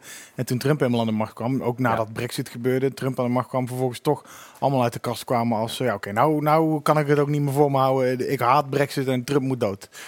Of, en dat dan iets genuanceerder. I- Toch iets genuanceerd? Nou, niet altijd, maar... Nee, ja. Even kijken, hebben we contact? Maar dat, heeft, dat, is een van de leuke, dat is een van de leuke dingen van Trump volgens mij. Is dat hij daar wel dat hij dat echt een beetje ontmaskerd heeft. Ja, Voor zover daar nog maskers op zaten, heeft hij toch wel laten zien van ja, zo is dus die vooringenomenheid. Dames en lieve mensen, we hebben eh, eh, groot nieuws. Groot nieuws, helemaal met een straalverbinding van ver weg. Ja, je goede vriend. We hebben hem toch live Wie? in de uitzending. Nou, wie denk je? Peertje. Bert, Bertje! Tuurlijk, wat blij ook dat je het weet. Bertje! Ja, hallo, hallo, hoort u mij? Bij jou niet namelijk. Hallo? Ja, Hallo? hallo. Contact, contact. Hoe laat is het bij jou? Eh, het scheelt één uur, dus het is hier één uur vroeger. Ah, oké, dus je, je hebt nog eventjes. eh, eh, hoe vind je het gaan vanavond? Zegt hij de juiste dingen, je collega? Ja, is, ik vind, eh, wat, eh, eh, wat ik leuk vind is dat jullie hem naast die foto van Erik Mout aan hebben gezet. Je bedoelt Erik uh, Erstemout aan? Erik M. En eh, ik ga daar een screenshot van maken, dus die ga ik dan nog even heel vaak gebruiken. In, eh, in. Dames en heren, Bert Brussen. eh, vroeger schreef hij bij ons ook onder de naam Lucas de linkse lul. En hij had de wet van Lucas. Ken je die? nee. De wet van Lucas stelt dat 99% van de reaguurders op het internet zo, totaal zwakzinnig is. Toch, Bert? Zeg ik het ja, goed? nee, ik vind dat je bepaald zwakzinnig nog mild uitdrukt. Zeg, Leg jij het eens even goed uit. Dat was jouw wet.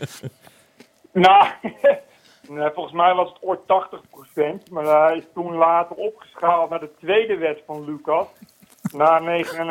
We hebben een amendement voor ingediend, inderdaad. Ja, en het is opgeschaald van zwakzinnig naar totaal mongool. Eh, en, eh, dat is eigenlijk, eh, ik, kan, ik lees wel eens wat uh, op, op VS. Vooral blikje grols lees ik dan. Eh, en die, eh, maar eh, ik kan nou niet zeggen dat het beter is geworden. Want vroeger had je nog wel grappige, grappige lui die heel slim waren. Die zitten nu ook nog bij. Maar af en toe komen, komen types voorbij. Dat is eh, weet je echt zeker dat het Pieter Baan Centrum gewoon ook snel internet heeft. Ja, ja, ja. ja, ja. Zegt, de, de, de, de geestelijke gezondheidsscore in Nederland is slecht gesteld. eh. Maar goed, eh, maar Bertje, luister even mee.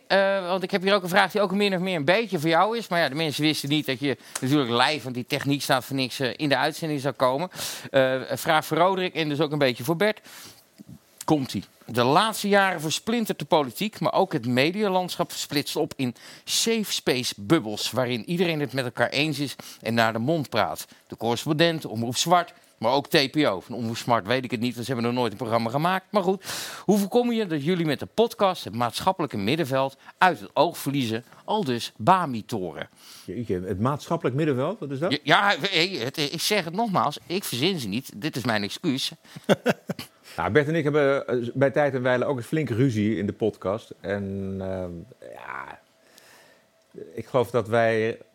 Bert, je- corrigeer me if I'm wrong, maar dat we, dat, we, dat we in alle vrijheid en zonder dogma's de, de nieuwsweek eh, bekijken en ehm, bespreken. Ja, ik weet niet, we doen ook niet speciaal ons best om contact te houden met het middenveld. of, eh, en eh eerlijk gezegd kan me ook geen fuck schelen als we, als we dat contact verliezen. Dat is een beetje een ding bij de podcast wat vaak terugkomt. Dat mensen eh, vinden dat we op een bepaalde positie niet, niet is. En dan willen ze dat we daar ook blijven. Wij zeggen gewoon wat we vinden. Dat is niet, niet een strategie of, of een plek waar we per se willen zijn of zo. Nee, kijk, wij, wij kunnen best eens genuanceerd of iets positiefs zeggen over Trump. Maar dat wil niet zeggen dat we alles wat Trump doet, dat we dat goed vinden. En als hij een Exact. maakt, dat we dat dan niet eh, behandelen. Nee, joh, ik heb, nou, ik heb dus van, het weekend, of van de week hetzelfde meegemaakt weer matig. Ik maak een filmpje over die, eh, over die kerken. Eh, eh, en ik, vind, ik ben van mening eh dat Grapperhaus er veel te laks in is. Ik ga met ze praten, ik heb met ze gesproken, maar ze luisteren gewoon niet. En, ehm, eh, en ik ben, sta dan op dat punt dat ik, zeg- dat ik vind van... als jij met 600 man in de kerk gaat zingen... dan mag ik ook met 3000 man de galgenwaard in. Dan mag ik gewoon naar FC Utrecht. Dat is het punt wat ik maak. Maar ik werd kapot gemaakt onder het mond van... je hebt 100.000 euro gekregen. Nou, I fucking wish van de overheid om mondkapjes te promoten en, en dit soort dingen. En daar kan ik dan zo slecht Nee, maar dat, tegen. dat zegt iets over, dat is ook wat Bert zegt. Mensen hebben de, de behoefte aan vastigheid. Dus die willen eigenlijk, als, als je rood bent, dan willen ze altijd rood zien van jou. En als je blauw bent, dan willen ze heel graag altijd blauw zien. Dus mensen zijn heel erg, denken heel erg in, in Zwart tribes. Ja, nee, ja, in zijn. stammen. Ja, in Oh. stammen. Ja, nee, maar dat, dat, mensen zijn, eh, willen heel graag... Dat, dat- in die tijd leven wij. Er is een mooi boek over geschreven. Douglas Murray heeft daar onder andere een boek over geschreven. Ja, ja, ja, The Madness of Crowds. Ja, exact. Ja. Je moet ook weer een keer naar Nederland komen en hier aan komen schuiven. Nou, dat lijkt me ik, ik heb hem één keer... eh, wat zei je? Ja, zeker. Bertje. Ja, nee, maar- maar- Bert. Ja? Wanneer kom jij weer een keer naar Nederland? Eh, ja, moet dat? Wacht, Roderick, Roderick, wil je één ding voor me doen? Ja. Wil je even aan Bert vragen? Bert, waarom ben je ook weer uit Nederland geëmigreerd? Kunnen we lachen? Bert, wanneer, waarom ben je ook alweer uit Nederland eh, vertrokken? Nou, dat vind ik een goede vraag, Roderick. Dat vind ik leuk dat je het stelt. Eh, nou, ik vind Nederland eh, een bekrompen en achterlijk kutland. Met een hele nare kutmentaliteit. Eh, en daar heb ik hier eh, een heel stuk minder last van. Eh, ik, kijk, eh, je kan hier gewoon ook zijn wie je wilt... zonder dat je de hele tijd een moeizuchtig idioot achter je aankrijgt. Dat is in Nederland. Nou, ik moet wel zeggen, ik, ik woonde heel lang in Amsterdam. Dat is waar Roderick nu nog woont. En Amsterdam, eh, daar is hoop overal om je heen aanwezig. En dat moet toch genoeg zijn. Dat, eigenlijk is dat een slogan van... als je nu niet weg bent, dan heb je het ook wel een beetje zelf om gevraagd. Dus, dat Maar mis je de supermarkt in de Jodenbreestraat niet? Ja, Ja, ik, maar dat is bijvoorbeeld ook eh, hier, als ik hier naar de supermarkt ga, dan zijn er altijd maar drie mensen en dat zijn drie bejaarden. That's it. En dan zijn de supermarkten gewoon twee keer groter dan die in de Jodenbreestraat. Oh, daar hebben wij Dus tegenwoordig een speciaal uurtje voor, Bert. Ja, ik ga altijd op die speciale uurtjes. Ja, ja, we hebben een speciaal bejaardenuurtje. Nee, nee goed, nee, oh, ik hou zo van deze man. Ik moet mensen ook even een tip geven. Als je nog eens een oud filmpje terug wil kijken, moet u even gaan googlen op Bert en de mensen. Dan ga ik met Bert eh, naar carnaval en dergelijke. En beschouwt hij dat. Dat is echt tamelijk briljant. Maar goed, ik ga weer even door met de reaguurdersvragen. Bert, eh, van jouw grote vrienden, zeg maar. Ehm, beste Roderick vraagt Captain Pervert. Dat had ik kunnen zijn qua nickname. Ehm, toen ik je vele jaren geleden voor het eerst op tv zag als SBS 6-presentator... had ik geen idee dat je anno nu een rechtsrealistische columnist zou zijn met een mening. Met een mening. Ja, met een mening. Ja, columnist met een mening is heel gek. Zegt zo maf. Vaker niet dan wel politiek correct. Hoe is die transitie gegaan? En krijg je veel, en hier ben ik gewoon niet straat genoeg voor, krijg je veel vlak uit de politiek correcte hoek. Ik weet niet wat vlak is. Vlak is Duits voor luchtafweergeschut, Tom. Dat zou je eigenlijk moeten Dat, weten. is toch niet, dat heeft toch niks in deze zin te maken? Dat schrijf je ook niet zo, dat schrijf je met een hoofdletter, want het is een zelfstandig naamwoord. Is het een bewuste keuze geweest en heb je het idee dat je door het hebben van deze mening bepaalde deuren hebt dichtgegooid in je carrière? Al dus Captain Perverseling. Nee, dat, dat laatste zeker niet. Mooi. Maar... Nee. Ja.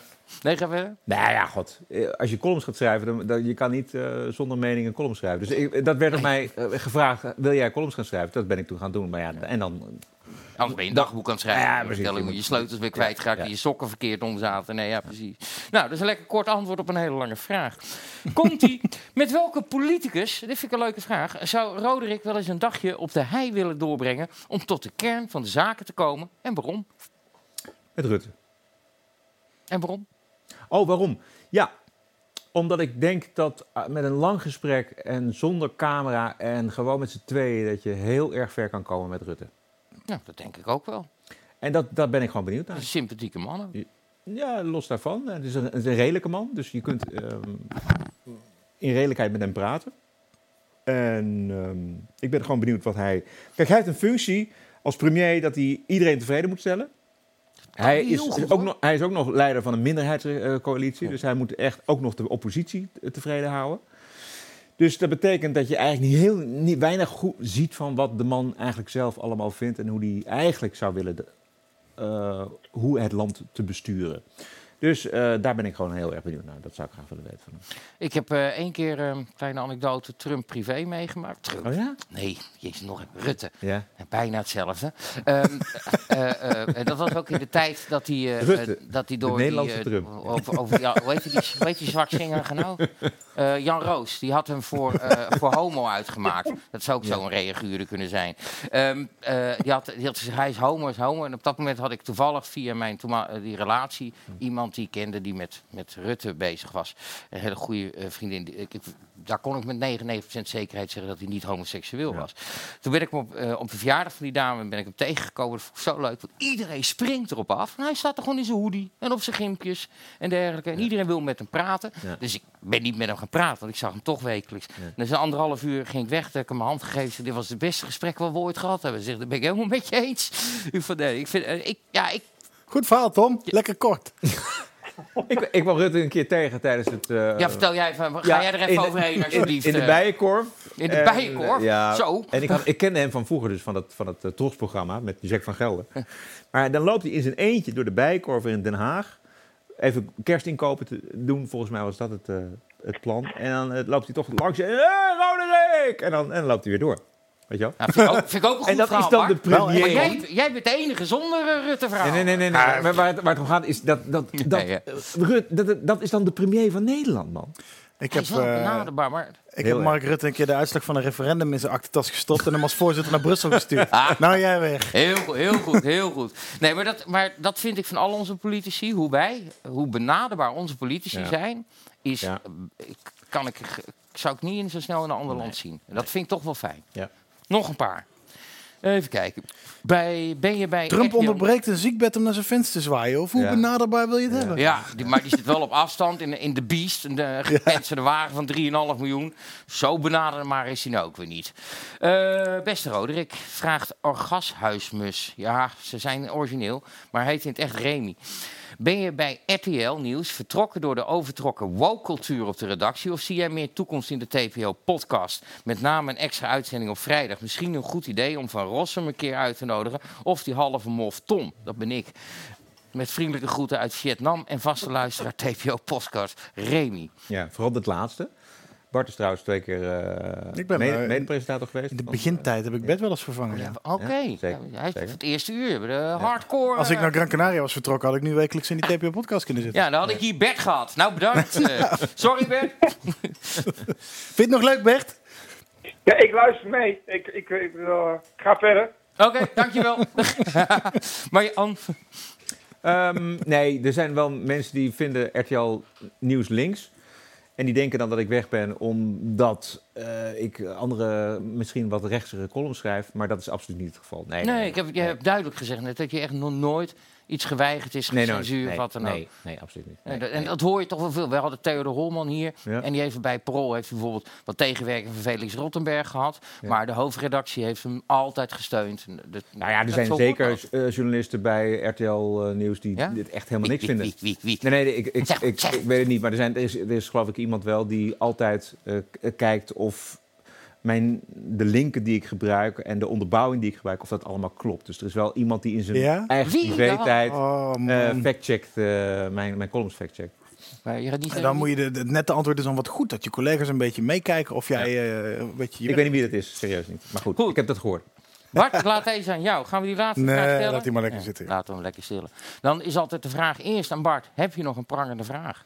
Uh, nee, ik heb al gevraagd wanneer Bert in Nederland komt. Is goed. Ja, we hebben maar aan, aan, aan onze gast. Uh, nee, ja, ik, eh, toch als je nu moet zeggen op dit moment, wie gaat die verkiezingen winnen in Amerika?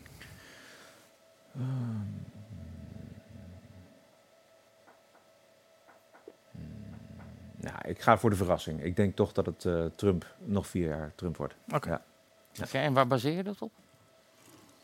Omdat ik denk dat toch de, de, de peilingen vertekenen. En ik denk ook dat er ehm, de zwijgende meerderheid zo genoeg heeft van die rellen. En van eh, de mooie verhaaltjes en de En van, eh, van ja, eh, en, en, Biden. en de identiteitspolitiek van, van de Democraten. Daar schiet niemand wat mee op. Oké, oké. Bertje, heb jij nog Ja? een prangende vraag voor je podcast-collega... waar je die prijs mee hebt gewonnen? Je enige prijs die je ooit gewonnen hebt. Dat zegt iemand die echt de hele prijskast vol heeft staan met comedy.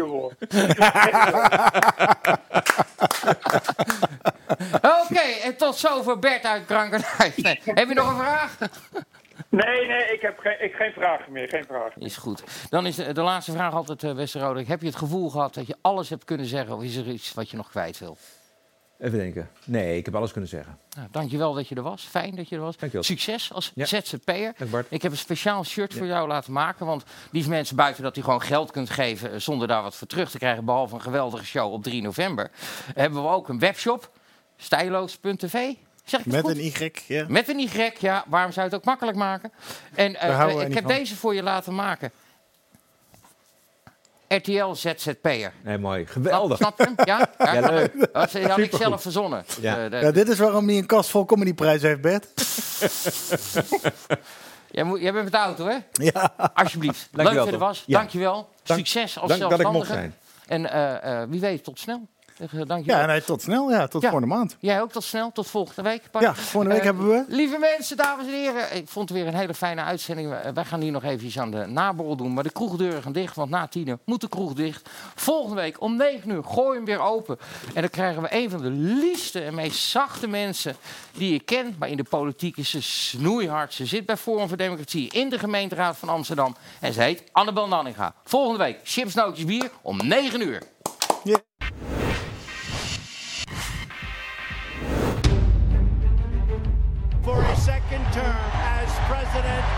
United States. I am announcing my candidacy for President of the United States. Your great state of uh, Iowa. Clap for that, you stupid bastard. Do you have any idea what this clown's doing? Thank you, darling. Immigration built this country. We are all immigrants. I've got more Indian blood in me than Pocahontas, and I have none. My son did nothing wrong. I think he did. And Mr. President, let him answer. Oh, get me off of this stage! Get me off! Get me off of